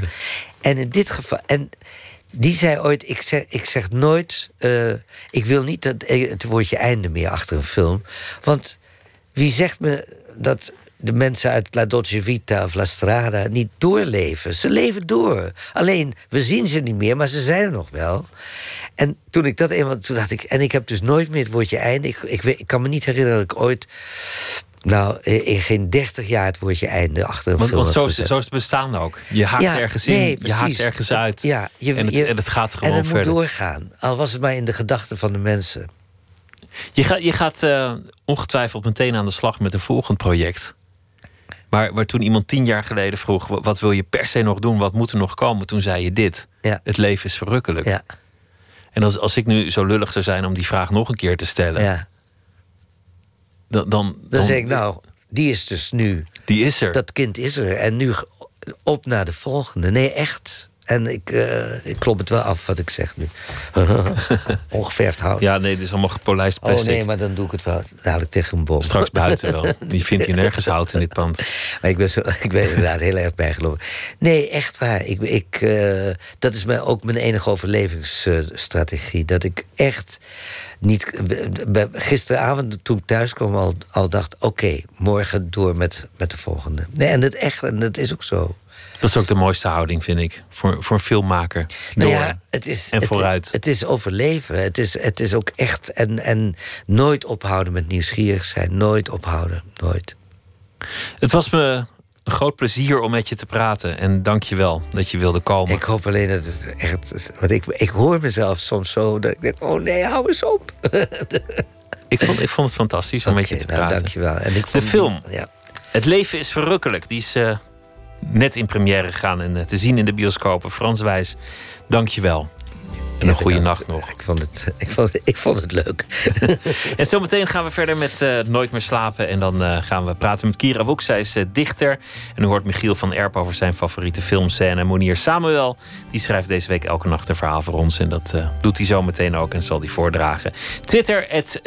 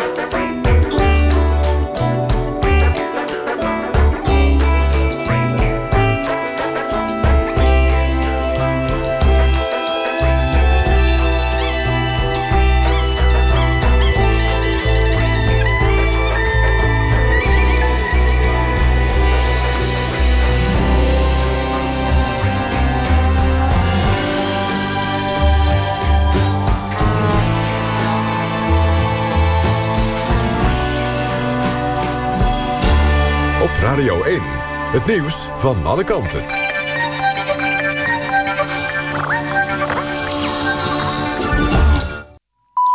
1 uur, Jan van der Putten met het NOS-journaal. In de Hoorn zijn afgelopen avond tientallen mensen geëvacueerd... vanwege een brand in een busje van een loodgieter. In de bestelbus staan gasflessen en in de buurt hangt er gaslucht. Zo'n 20 tot 30 mensen zijn uit hun huis gehaald, melden de hulpdiensten. De oorzaak van de brand in Hoorn is onbekend. De PVV heeft een kandidaat gemeenteraadslid in Brabant van de lijst gehaald... die premier Rutte had beledigd. Ze noemde Rutte op Facebook een hufter... en omschreef hem als een vuile viezerik en een gek die ze wil opknopen. De vrouw werd maandag gepresenteerd bij de PVV in Rukven. Aan haar kandidatuur ging volgens Omroep Brabant... een maandenlange screening vooraf. De PVV Noord-Brabant zegt dat alle kandidaten zijn gegoogeld... maar dat de partij de tekst over Rutte niet heeft gezien. De partij zegt afstand te nemen van elke vorm van bedreiging of geweld. Op een school in Kentucky heeft een scholier van 15 twee klasgenoten doodgeschoten en 17 anderen verwond. De jongen is gearresteerd. Over zijn motief is niets bekendgemaakt. Minister Zijlstra van Buitenlandse Zaken spreekt tegen dat zijn collega minister Kaag uit privémotieven 13 miljoen euro heeft overgemaakt aan een VN-organisatie die zich richt op Palestijnse vluchtelingen. Zijlstra reageert op de PVV die dat beweert. Hij zegt dat het bedrag gewoon op de begroting stond. De Russische schaatser Denis Yuskov reageert verbijsterd op het besluit van het IOC om hem te weren van de Olympische Spelen. Hij is ooit geschorst geweest vanwege overtreding van de dopingregels. Het is niet mijn fout, ik ben altijd eerlijk geweest, zegt Yuskov tegen de NOS. Voor hem is het reden om te twijfelen aan de Olympische beweging. Yuskov is wereldrecordhouder op de 1500 meter. Het weer, vannacht wat regen of motregen. Het is een graad of 10. Overdag eerst droog, later regen en veel wind. Aan de kust is er kans op zware windstoten. Met 13 graden wordt het uitzonderlijk zacht. Dit was het NOS Journaal. NPO Radio 1. VPRO. Nooit meer slapen.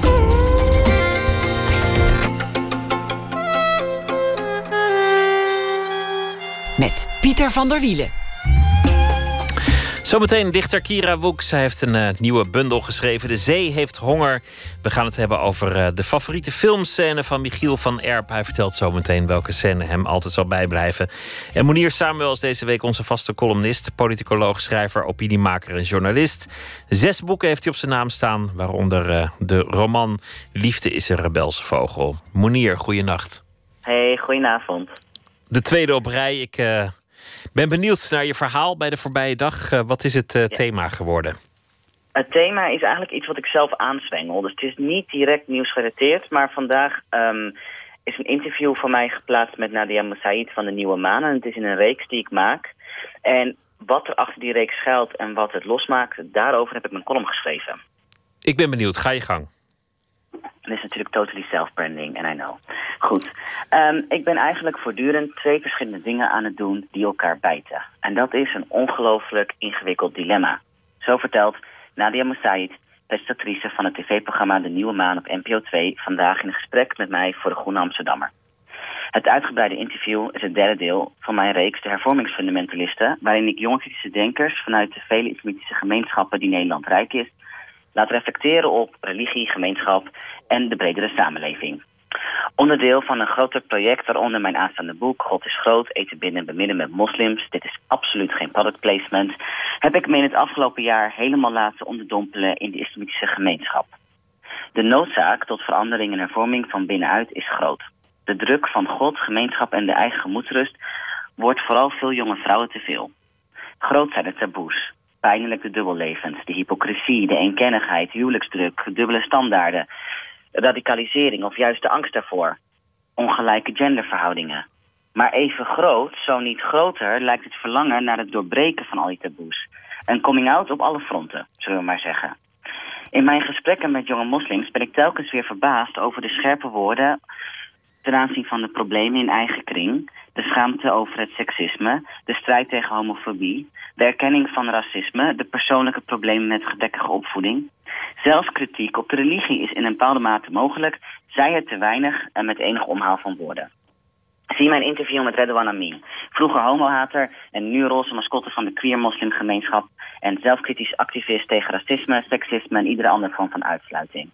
Redouan is ontwapenend en een verademing. Zo zei hij, de Marokkaanse gemeenschap in Nederland is enorm rijk en divers. Er is niet één stem of geluid, dat moeten we goed beseffen. Ik stel mezelf vragen en zoek antwoorden, al moet ik daarvoor naar China. Mijn doel is om altijd nieuwsgierig te blijven en oprecht geïnteresseerd te zijn in mensen. Er is een periode geweest van islamitische verlichting, maar die waarde is verloren gegaan. Moslims zijn in een comfortzone van vastgestelde waarheden beland, waardoor elke vraag ongemak teweeg brengt. Al geldt dit trouwens voor de hele samenleving. Meningen worden als bakstenen gebruikt om naar elkaars hoofd te gooien. Maar bakstenen zijn een samenstelling van aarde en water. Bouwstenen die altijd verschillende componenten zijn samengesteld. Ik vind het allemaal maar arrogante bedweteritis. Het interview met Redouan was een instant Facebook-hit. Er werd nog net geen straat Marokkaan voor president fanpagina opgericht, maar dat is een kwestie van tijd, denk ik. Maar waar kunnen dergelijke kritische denkers en heilige huisjes op omtrappende hervormers als Redouan, die als hetero tot driemaal mee toe meevoerde op de Marokkaanse Prideboot, hun verhaal doen? De huidige media geven weinig tot geen ruimte voor nuance en zelfkritiek. Jonge moslims die wel hun mond opentrekken, moeten niet alleen de angst voor hun eigen gemeenschap trotseren, maar ook die voor die, uh, ook, maar ook die voor versterking van de bestaande stereotypen en stigma's. Juist omdat veel journalisten en praatprogramma's eerder op zoek lijken naar de bevestiging van de vooroordelen dan naar het doorbreken daarvan. Dit leidt tot een constant balanceren op een wel erg smalle evenwichtsbalk. De Nieuwe Maan doet het als diverse talkshow wat mij betreft beter. Het geeft nieuwe gezichten, stemmen en kans en laat mensen met kleur niet alleen aanschuiven om te praten over islamofobie of racisme, maar juist ook in de hoedanigheid van psychiater, advocaat of politicus. Tegelijk zitten ook zij telkens in een spagaat. Een programma maken voor alle Nederlanders en moslims in het bijzonder is in deze gepolitiseerde tijden immers vrijwel onmogelijk. Als er niet kritisch over bepaalde groepsdynamieken en culturele problemen kan worden gesproken, zonder dat dergelijke openhartigheid direct diezelfde groep in zijn volledigheid disqualificeert, gaat er iets goed mis. Zonde.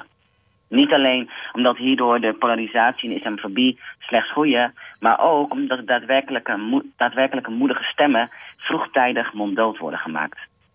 Eigenlijk een tot een half uur teruggebracht multiculti-programma als de Nieuwe Maan diep weggestopt op de late zondagavond helemaal niet nodig moeten zijn. Simpelweg omdat mainstream tv daadwerkelijk de gezichten en verhalen van alle Nederlanders toont. Maar nee, Pauw weet niet eens hoe het witte vrouw aan tafel moet krijgen, dus voor Fatima is er helemaal geen plaats. Jinek heeft te druk met stoer doen over voetbal en de wereld draait door, laat zwarte mensen het liefst zingen. De vraag die we onszelf als mediaproducenten en mediaconsumenten dan ook zouden moeten stellen is... willen wij wel zelfreflecterende geluiden eigenlijk horen? Bieden wij jonge stemmen een plaats? Krijgen zij een veilig podium waardoor de noodzakelijke zelfkritiek en roep om verandering niet direct in het nieuwste PVV-verkiezingsprogramma verschijnt? Of ontbreken het ons, niet-moslims, iets te veel aan zelfkritiek? Over zelfkritiek uh, bij moslims en bij niet-moslims en de wetten van de media die uh, dit soort zelfkritiek ook uh, moeilijk hoorbaar maken. Monier, dankjewel voor deze beschouwing. En als ik je goed begrijp, kan je het allemaal wel vinden in De Groene Amsterdammer van, van deze week. Ja, online. Het is een serie die iedere week zonder paywall geplaatst wordt, zodat echt iedereen het kan lezen en er niet een of ander obstakel zit in abonnement en, en al dat soort zaken ook iets waar ik me graag hard voor maak. Goed zo. Dankjewel, Monier. En uh, tot morgen. Tot morgen.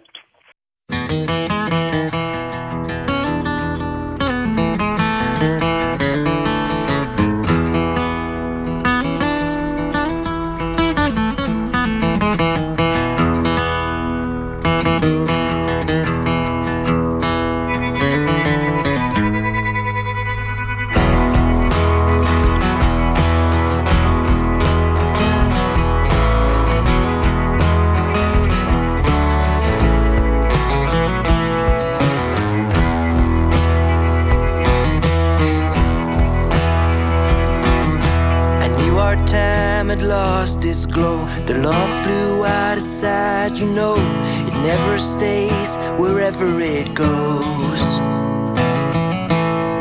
Well, the western sky turned yellow and red.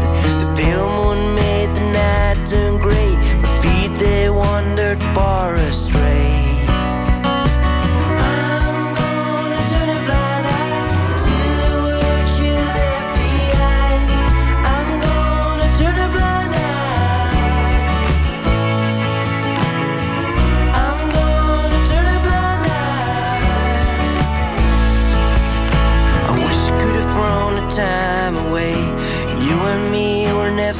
To last. Some cannot be tamed by life. An empty page to ease the mind. A tale without a storyline. I closed the book of wasted times.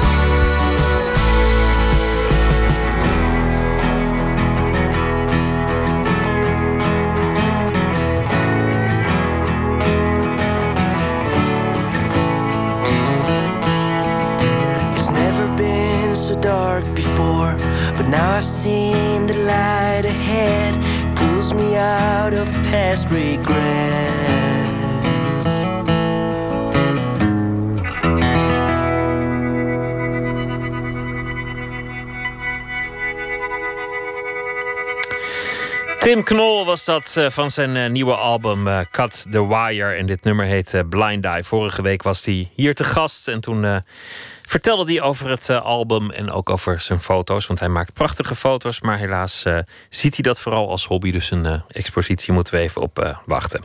Blind Eye was het van Tim Knol.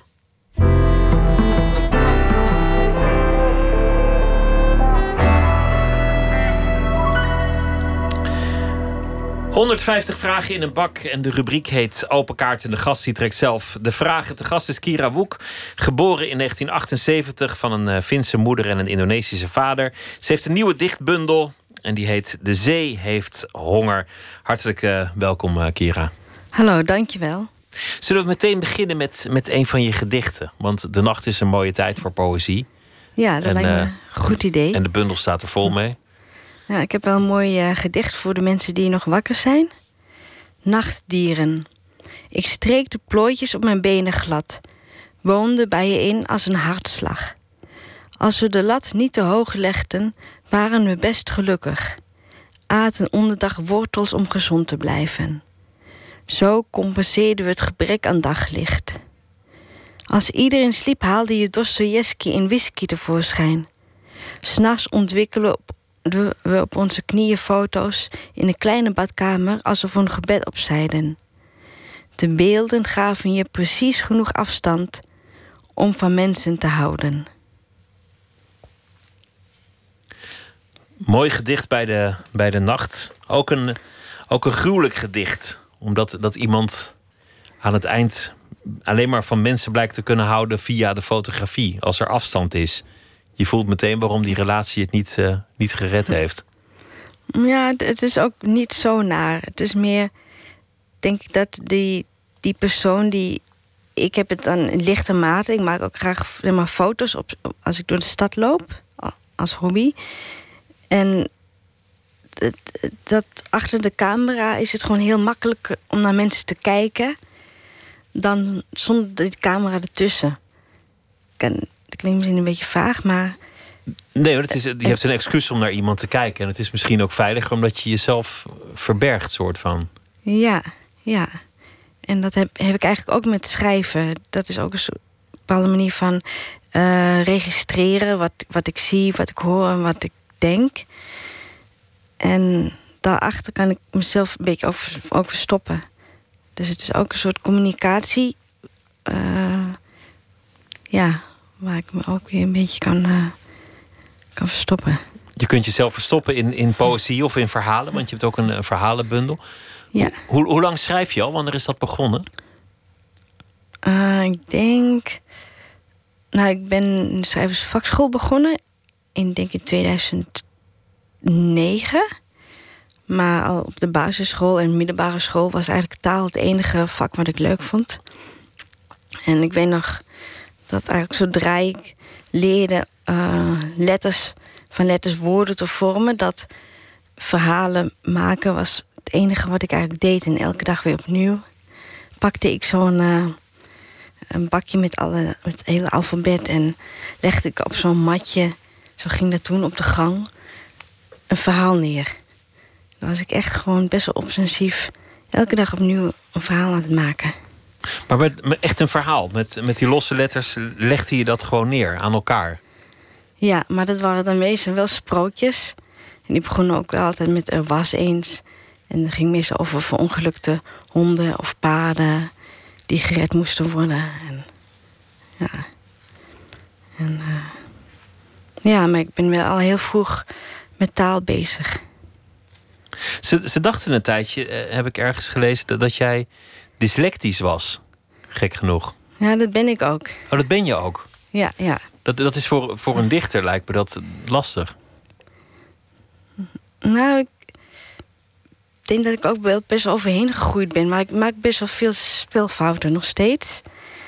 Uh, en ik lees langzamer dan gemiddeld.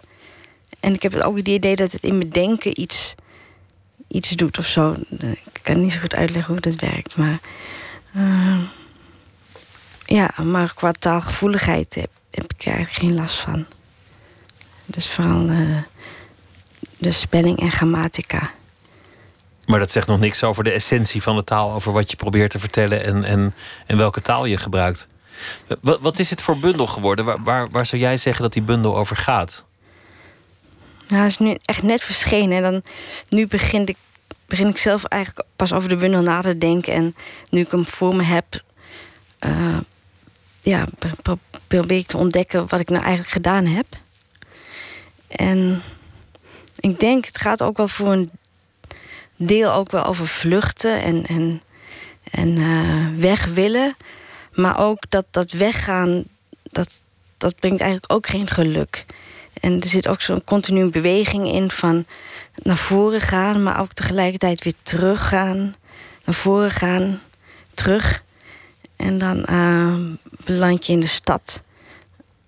Uh, waar eigenlijk ook niet het geluk te vinden is. Wil je nog een gedicht voorlezen? Ja, zeker.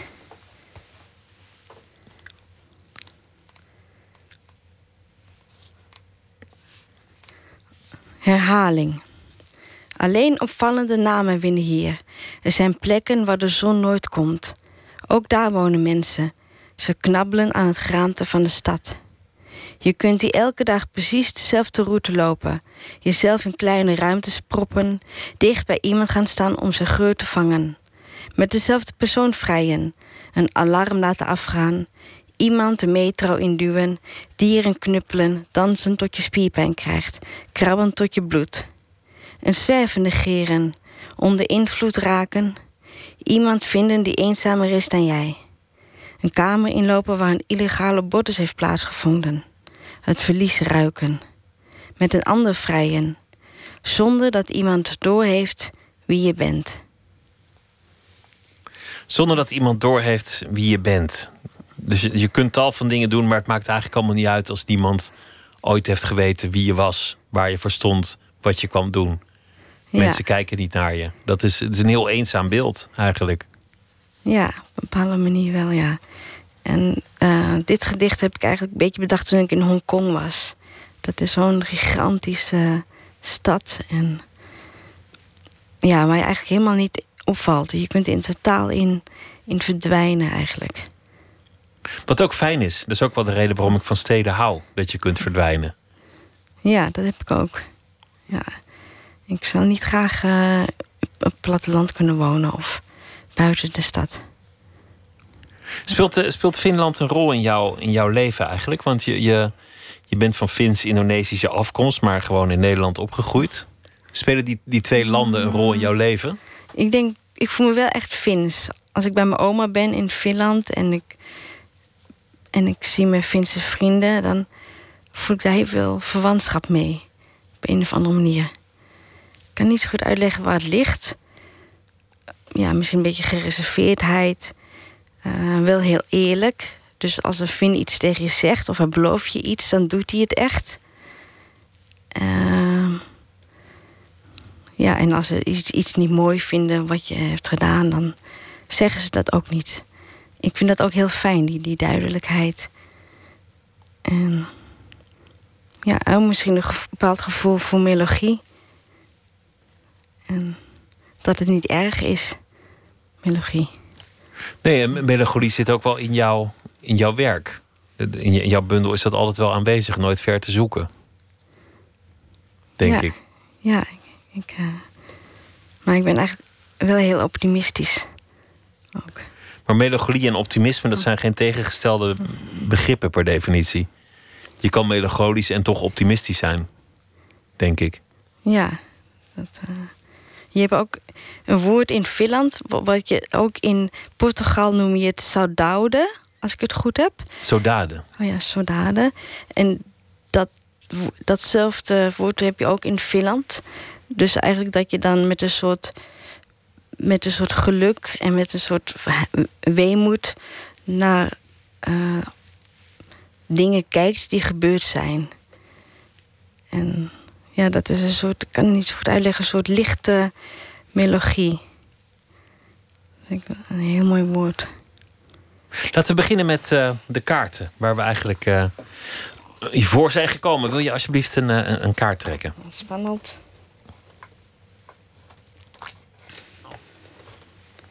Wat is je gemoedstoestand op dit moment? Oh jee. Uh, nou, wel goed, denk ik. Ik vind het altijd een beetje spannend om uh, over mijn eigen werk te vertellen. Maar uh, ja. Maar verder optimistisch. Ja. Laten we nog een, een kaart pakken. Wanneer heb je voor het laatst gehuild?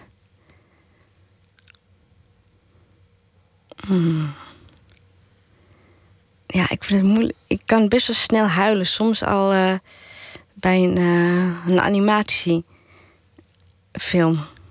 Een tekenfilm? Ja, ja. Als het dan net goed komt op het einde.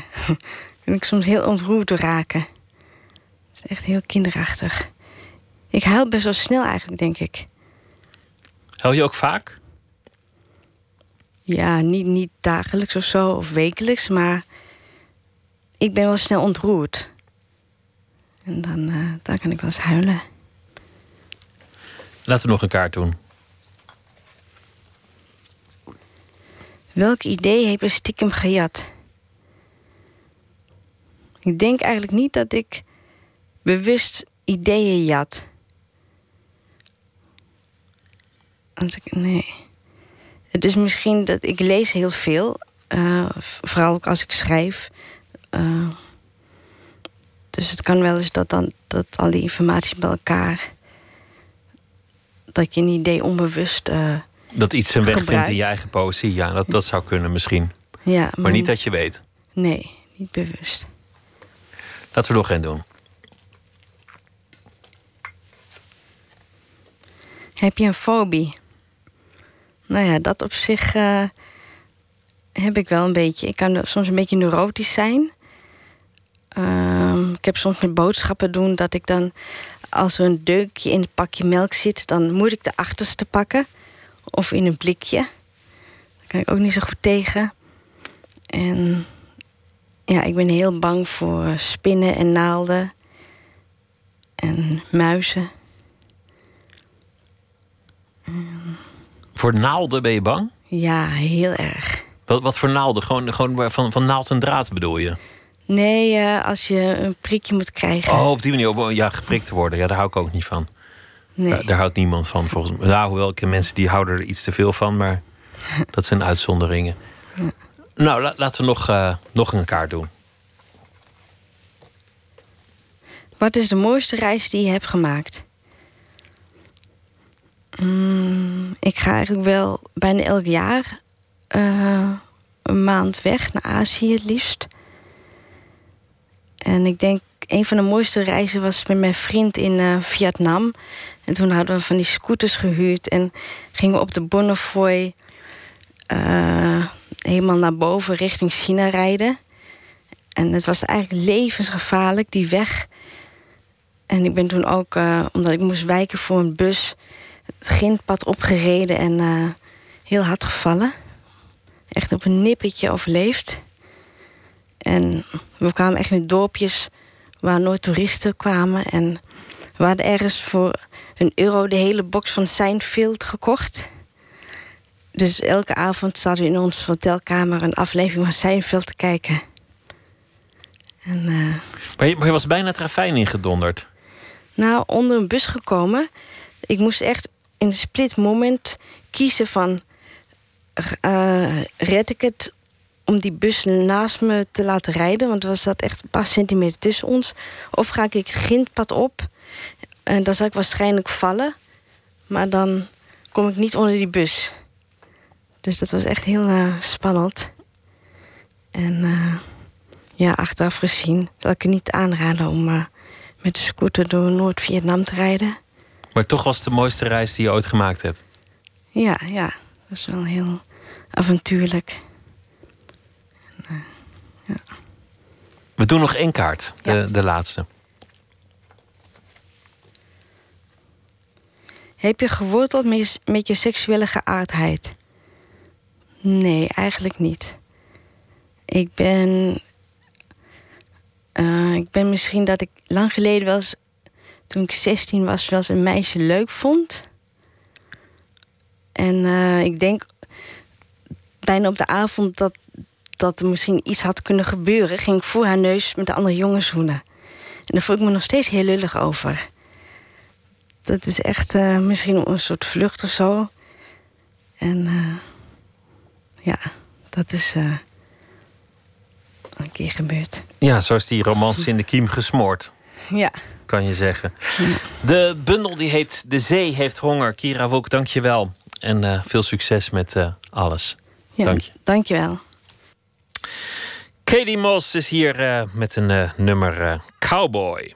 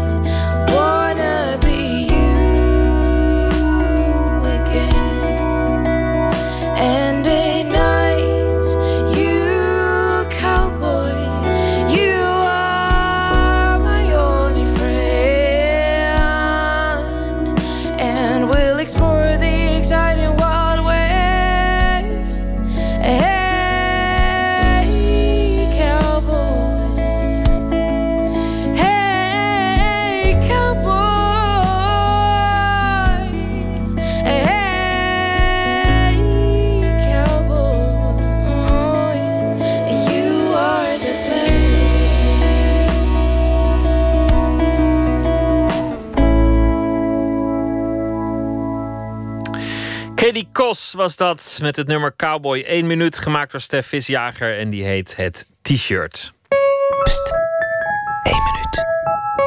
Ik lag daar zo en toen zei hij van, eh, nou eh, oké, wilt u even je t-shirt omhoog doen? En ik lag daar echt van, nou, met mijn kale kop en net je. En dan ook die reacties peilen, hè. Aan, gewoon kijken van, oké, als zij een beetje normaal kijken... dan zal het ook wel normaal zijn of zo. en dan, oké, dankjewel, het ziet er goed uit. En dan liep ze weer weg. En dat dan vier dagen lang. Ik had het zelf nog niet gezien, nee. En volgens mij heb ik al die nachten zitten huilen. En toen kwam er op een gegeven moment een verpleegster aan. En die kwam naast mijn bed zitten en een beetje praten en doen. En toen zei ik ook van... En iedereen wil maar dat ik al ga kijken en ik wil het nog even niet. En toen voelde ze aan mijn borst en toen zei ze, voel je dit? En toen ging ze er echt overheen. Toen dacht ik, nou, dat is gewoon de eerste aanraking. Gewoon een soort van menselijk. En toen zei ik van, nou, ik wil het eigenlijk wel zien nu. Volgens mij was het half drie s'nachts. En toen zijn we op gaan staan.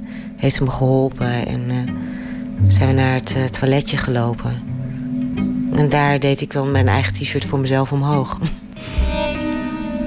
ja.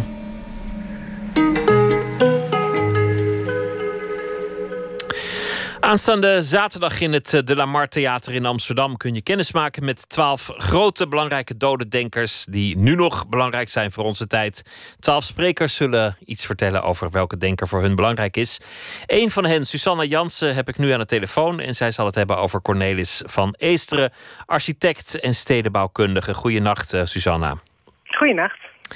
Een van de twee mensen die uh, belangrijk zijn in je laatste boek, Ondanks de zwaartekracht.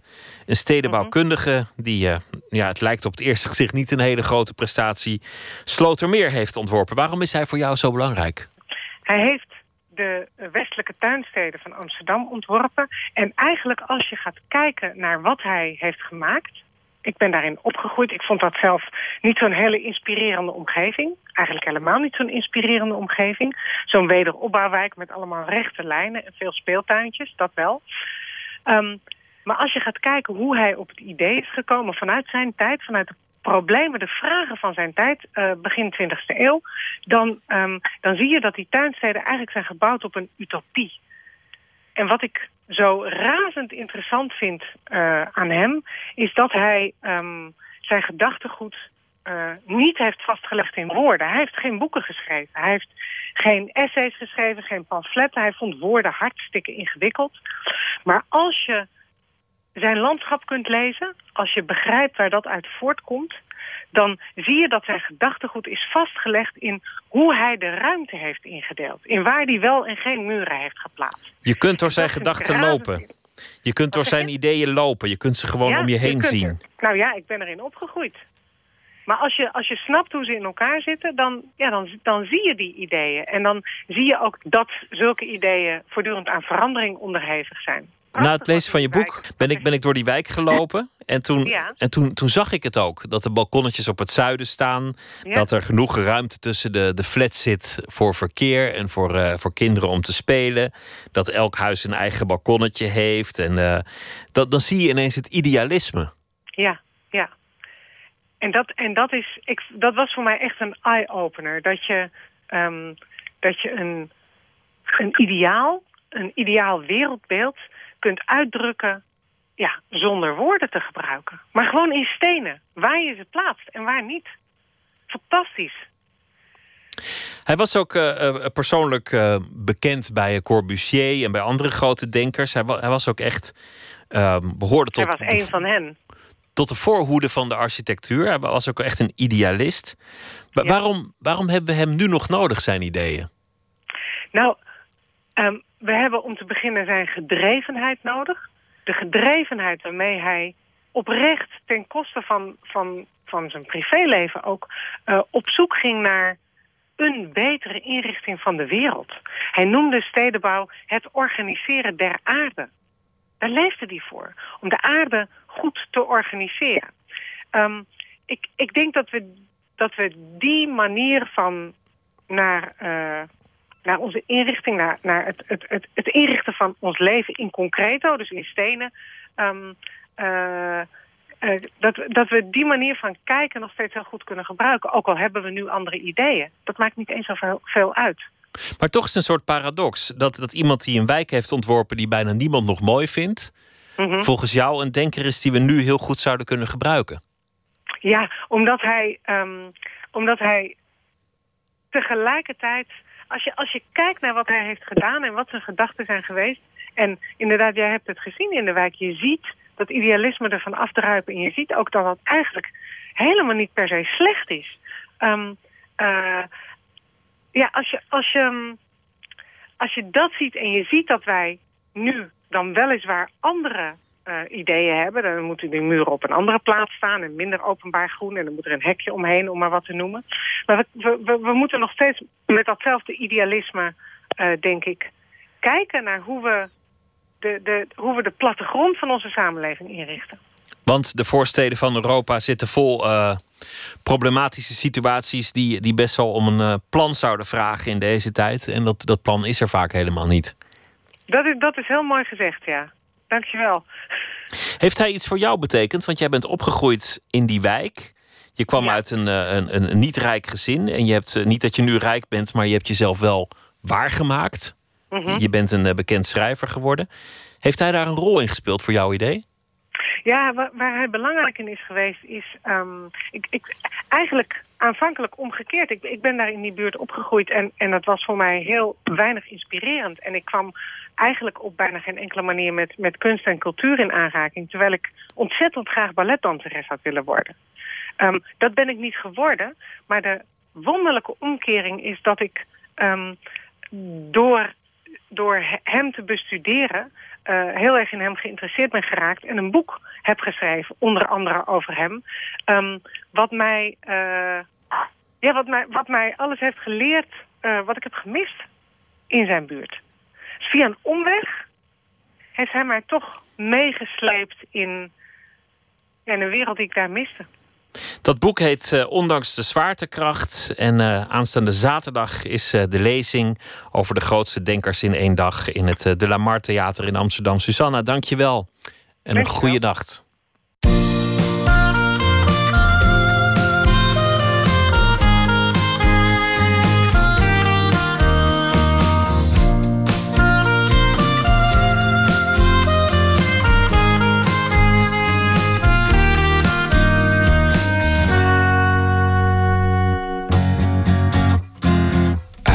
Your dreams completely. I've got them locked away. That doesn't mean I own you or control the hair of your sweet head. I won't leave you to suffer. I won't let them prevail.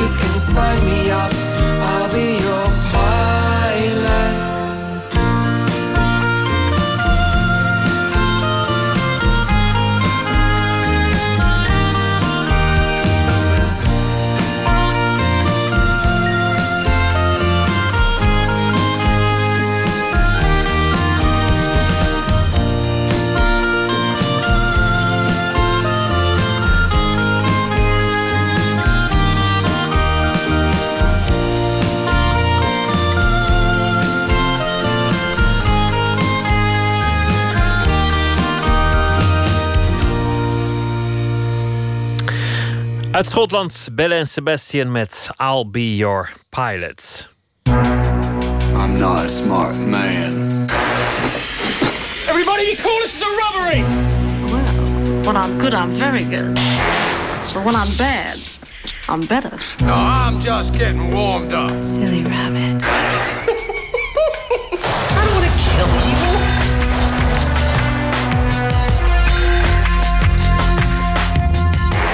Welke scène uit een film zal je levenslang bijblijven? We vroegen het aan eh, bekende filmmakers. En vandaag is dat Michiel van Erp. Zit al eh, 25 jaar in het vak, maakt documentaires. Heeft ook een eh, serie gemaakt, Ramses, over Ramses Shaffi. En zijn laatste werk was eh, Dit zijn wij over de Nederlanders. Is eh, vorig jaar uitgezonden. Vannacht de favoriete scène van Michiel van Erp. Mijn favoriete scène is eh, eh, de eindscène van de film E.T. Misschien wel de beroemdste film van Steven Spielberg. Hij komt uit 1982. Het is eigenlijk, zou je denken, een kinderfilm. Maar dat is het eigenlijk helemaal niet. Ik vind het een film van alle tijden. Ik heb vorig jaar met kerst nog zitten kijken. Ik kan daar eindeloos eh, van genieten.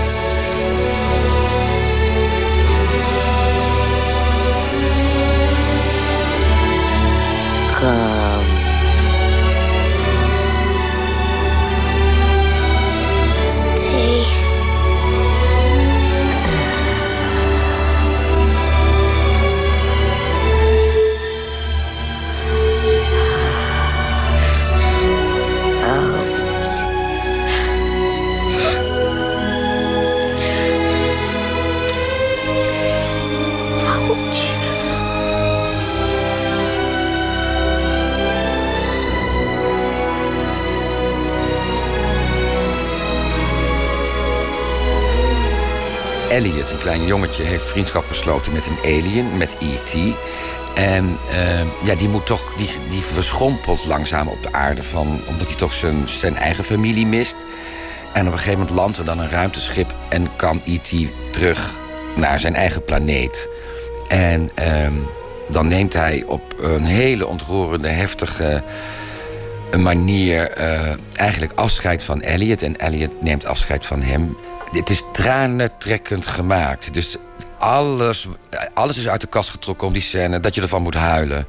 En ehm, dat is eigenlijk heel knap gedaan. Terwijl uiteindelijk, dat vind ik er namelijk zelf zo grappig aan. Elliot staat gewoon met een plastic pop te praten. Snap je? Dat, die bestaat, helemaal niet. Maar dat, dat ben je, raak je helemaal kwijt door, door hoe, het, hoe het gedraaid is en hoe hoe het opgebouwd is.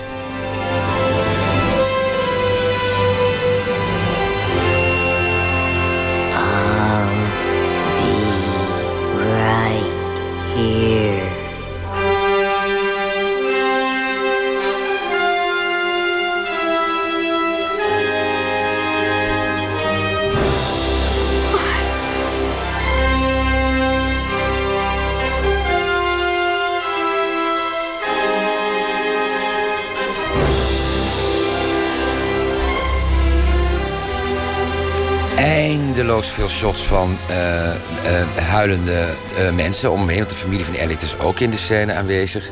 Bij het ruimteschip. En ehm E.T. kijkt de hele tijd alleen maar in Elliot in de ogen en andersom. Dus ze hebben een soort diepe, hele diepe vriendschap. En er worden maar heel weinig woorden in gebruikt in de scène. Dat maakt het ook zo spannend.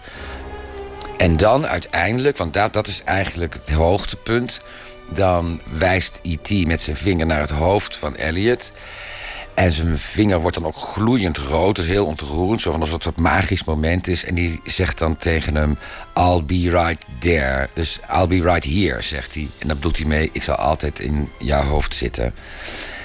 En dan pakt hij een bloempot, E.T. Ik weet ook niet waarom dat is... maar die wil hij blijkbaar meenemen naar, eh, naar zijn eigen planeet... En dan loopt hij heel la, traag, heel langzaam waggelt hij zo het ruimteschip. En dat doet hij echt heel lang over. En vervolgens zie je alle mensen nog, want het ja, ruimteschip komt ook wind uit, of noem je dat? Eh, rook. Dus iedereen staat een beetje daar versteld naar te kijken. Met tranen in de ogen. En de hond van Elliot die loopt nog heel even achter E.T. aan, die bijna in het ruimteschip is. En die komt dan toch weer terug. En dan eh, zie je door, eigenlijk door de ladder die uit het ruimteschip komt, zie je IT. En dan gaat heel langzaam de deur dicht en dan verdwijnt hij uit ons leven.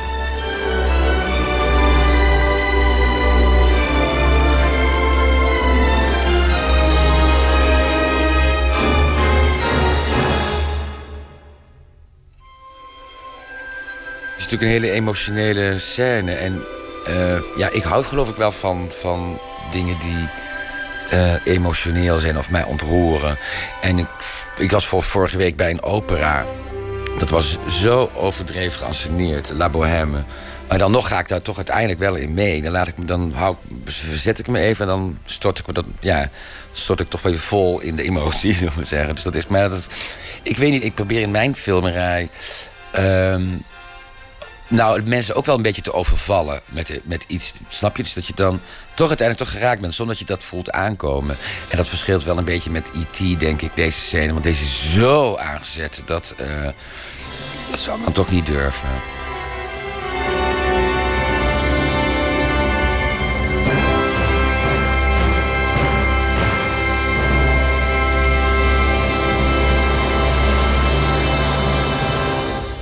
Muziek van John Williams die is fantastisch. Die herken je ook uit duizenden.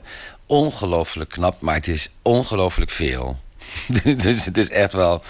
Als je het nu zo terug hoort, denk nou, dat mag wel een tandje minder. Maar eh, toen vonden we dat blijkbaar heel erg mooi. Ik haal wel soms de muziek van E.T. en van Star Wars door elkaar. Want die lijken een beetje op elkaar, het idee. Maar ja, dat, dat is natuurlijk ook allemaal ruimtewezens. Dus dat zal wel. Weet je nog waar en wanneer je hem zag? Ja, zeker, zeker. Ehm, nou, volgens mij is de film 35 jaar oud. Ehm, want ik heb hem gezien. eh, ik ben daar samen met een eh, studiegenoot naartoe gegaan. In Delft studeerde ik eh, op de TU. En ehm, met diezelfde studiegenoot heb ik sinds die dag ook een, een relatie. En nu nog steeds. Dus. is- ja, maar dat heeft eigenlijk niks met dat fragment te maken. Maar het is op een van die. Als ik IT aan IT denk, denk ik altijd die ene eerste keer dat ik die film zag met hem. En dat heeft niks met elkaar te maken, denk je? Die ontroering die ontstaat in, de, in de bioscoop, de eerste date. Nee, ja, ik vind het achteraf heel raar dat wij toen naar IT zijn gegaan met z'n tweeën. Want dat vind ik niks voor hem. Maar eh, dat hebben we toen wel gedaan. En ehm, ja, zo.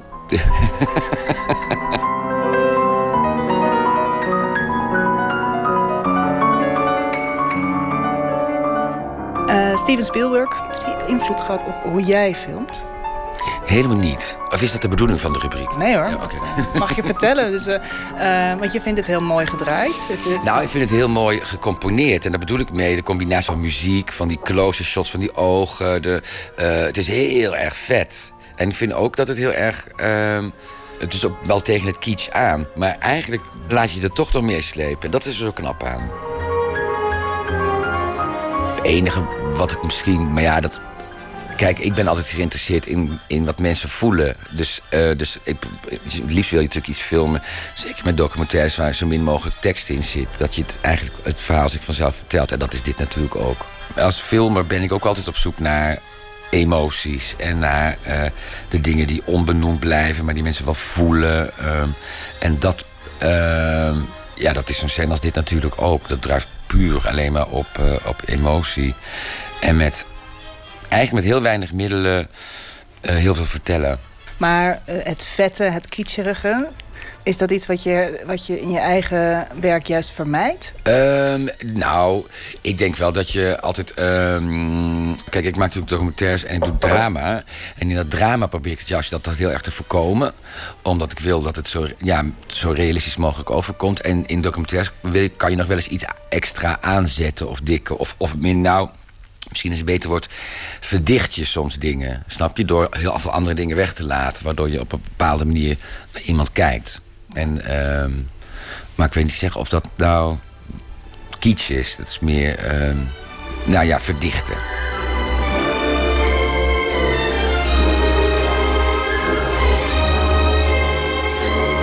Het grappige is dat als je zo'n film als Schindler's List bekijkt... ge- ge- gebruikt hij eigenlijk dezelfde technieken. Dat is ook heel erg aangezet en veel. En eh, ik denk wel, E.T. zijn beste film is. Want ook grappig is ook bij E.T. is dat je... eh, kijk, als je nu naar eh, een, eh, een science fiction film gaat... Weet je, ik was pas een paar maanden geleden naar Blade Runner... dan is door allerlei moderne technieken is het pompeus en zo. Maar dit is gewoon een plastic pop. Snap je? Maar Ik neem aan met een dwerg erin en die loopt daar. En dat is eigenlijk net zo effectief, snap je? En dat vind ik er zo charmant van. En nu het zegt, een dwerg. Ik heb geen idee hoe ze E.T. hebben gemaakt. Ja, ik heb ooit eens een boekje gelezen over dat. We hebben dan verschillende versies van, die, van E.T. Ook uh, eraan wat voor scènes ze dan opnemen. Maar die scènes met dat jongetje, daar zit gewoon een dwerg in. En vind je dat dan een, een grotere prestatie eigenlijk... om hier dan die emotie op te roepen met nou, een pop? Dat is Kijk, in die tijd waren veel minder mogelijkheden om, om dat te doen. Dus dat vind ik dan wel een grotere prestatie. Want nu kan je eigenlijk alles wel maken en creëren in, uh, in film.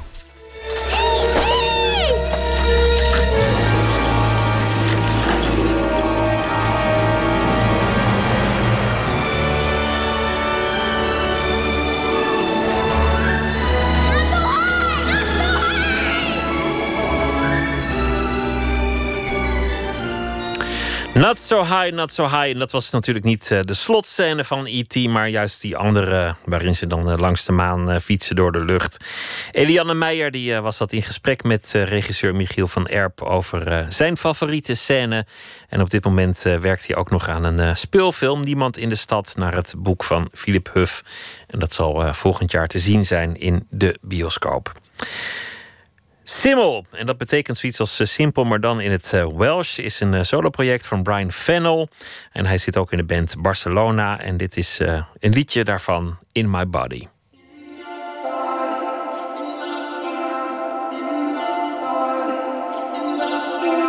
In my body, I have a master. I bow down when she comes around. In my body, I'm a disaster. I break down when you shake the ground. Every time I stand to leave my cage, in my broken body I stay.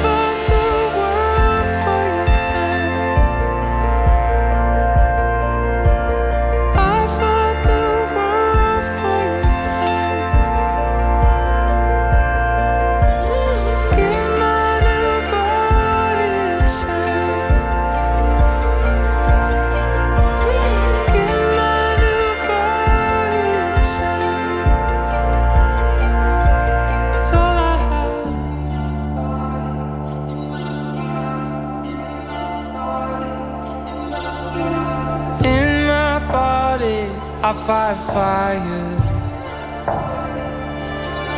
with the snow. My hell is cold. In my body, I have a soft light burning low, too hot to hold. I've become the only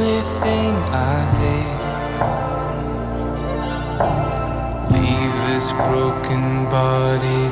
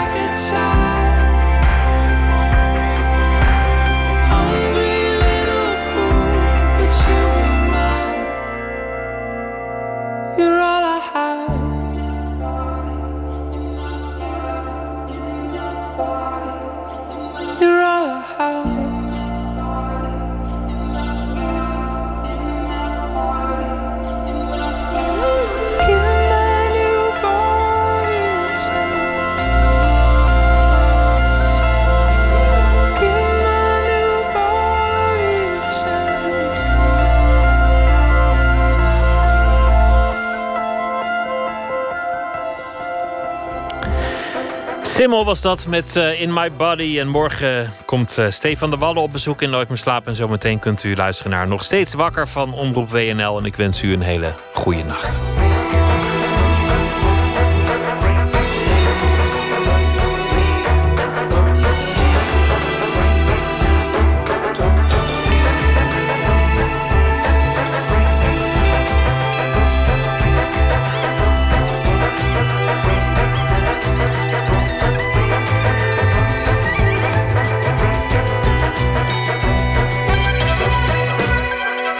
Radio 1.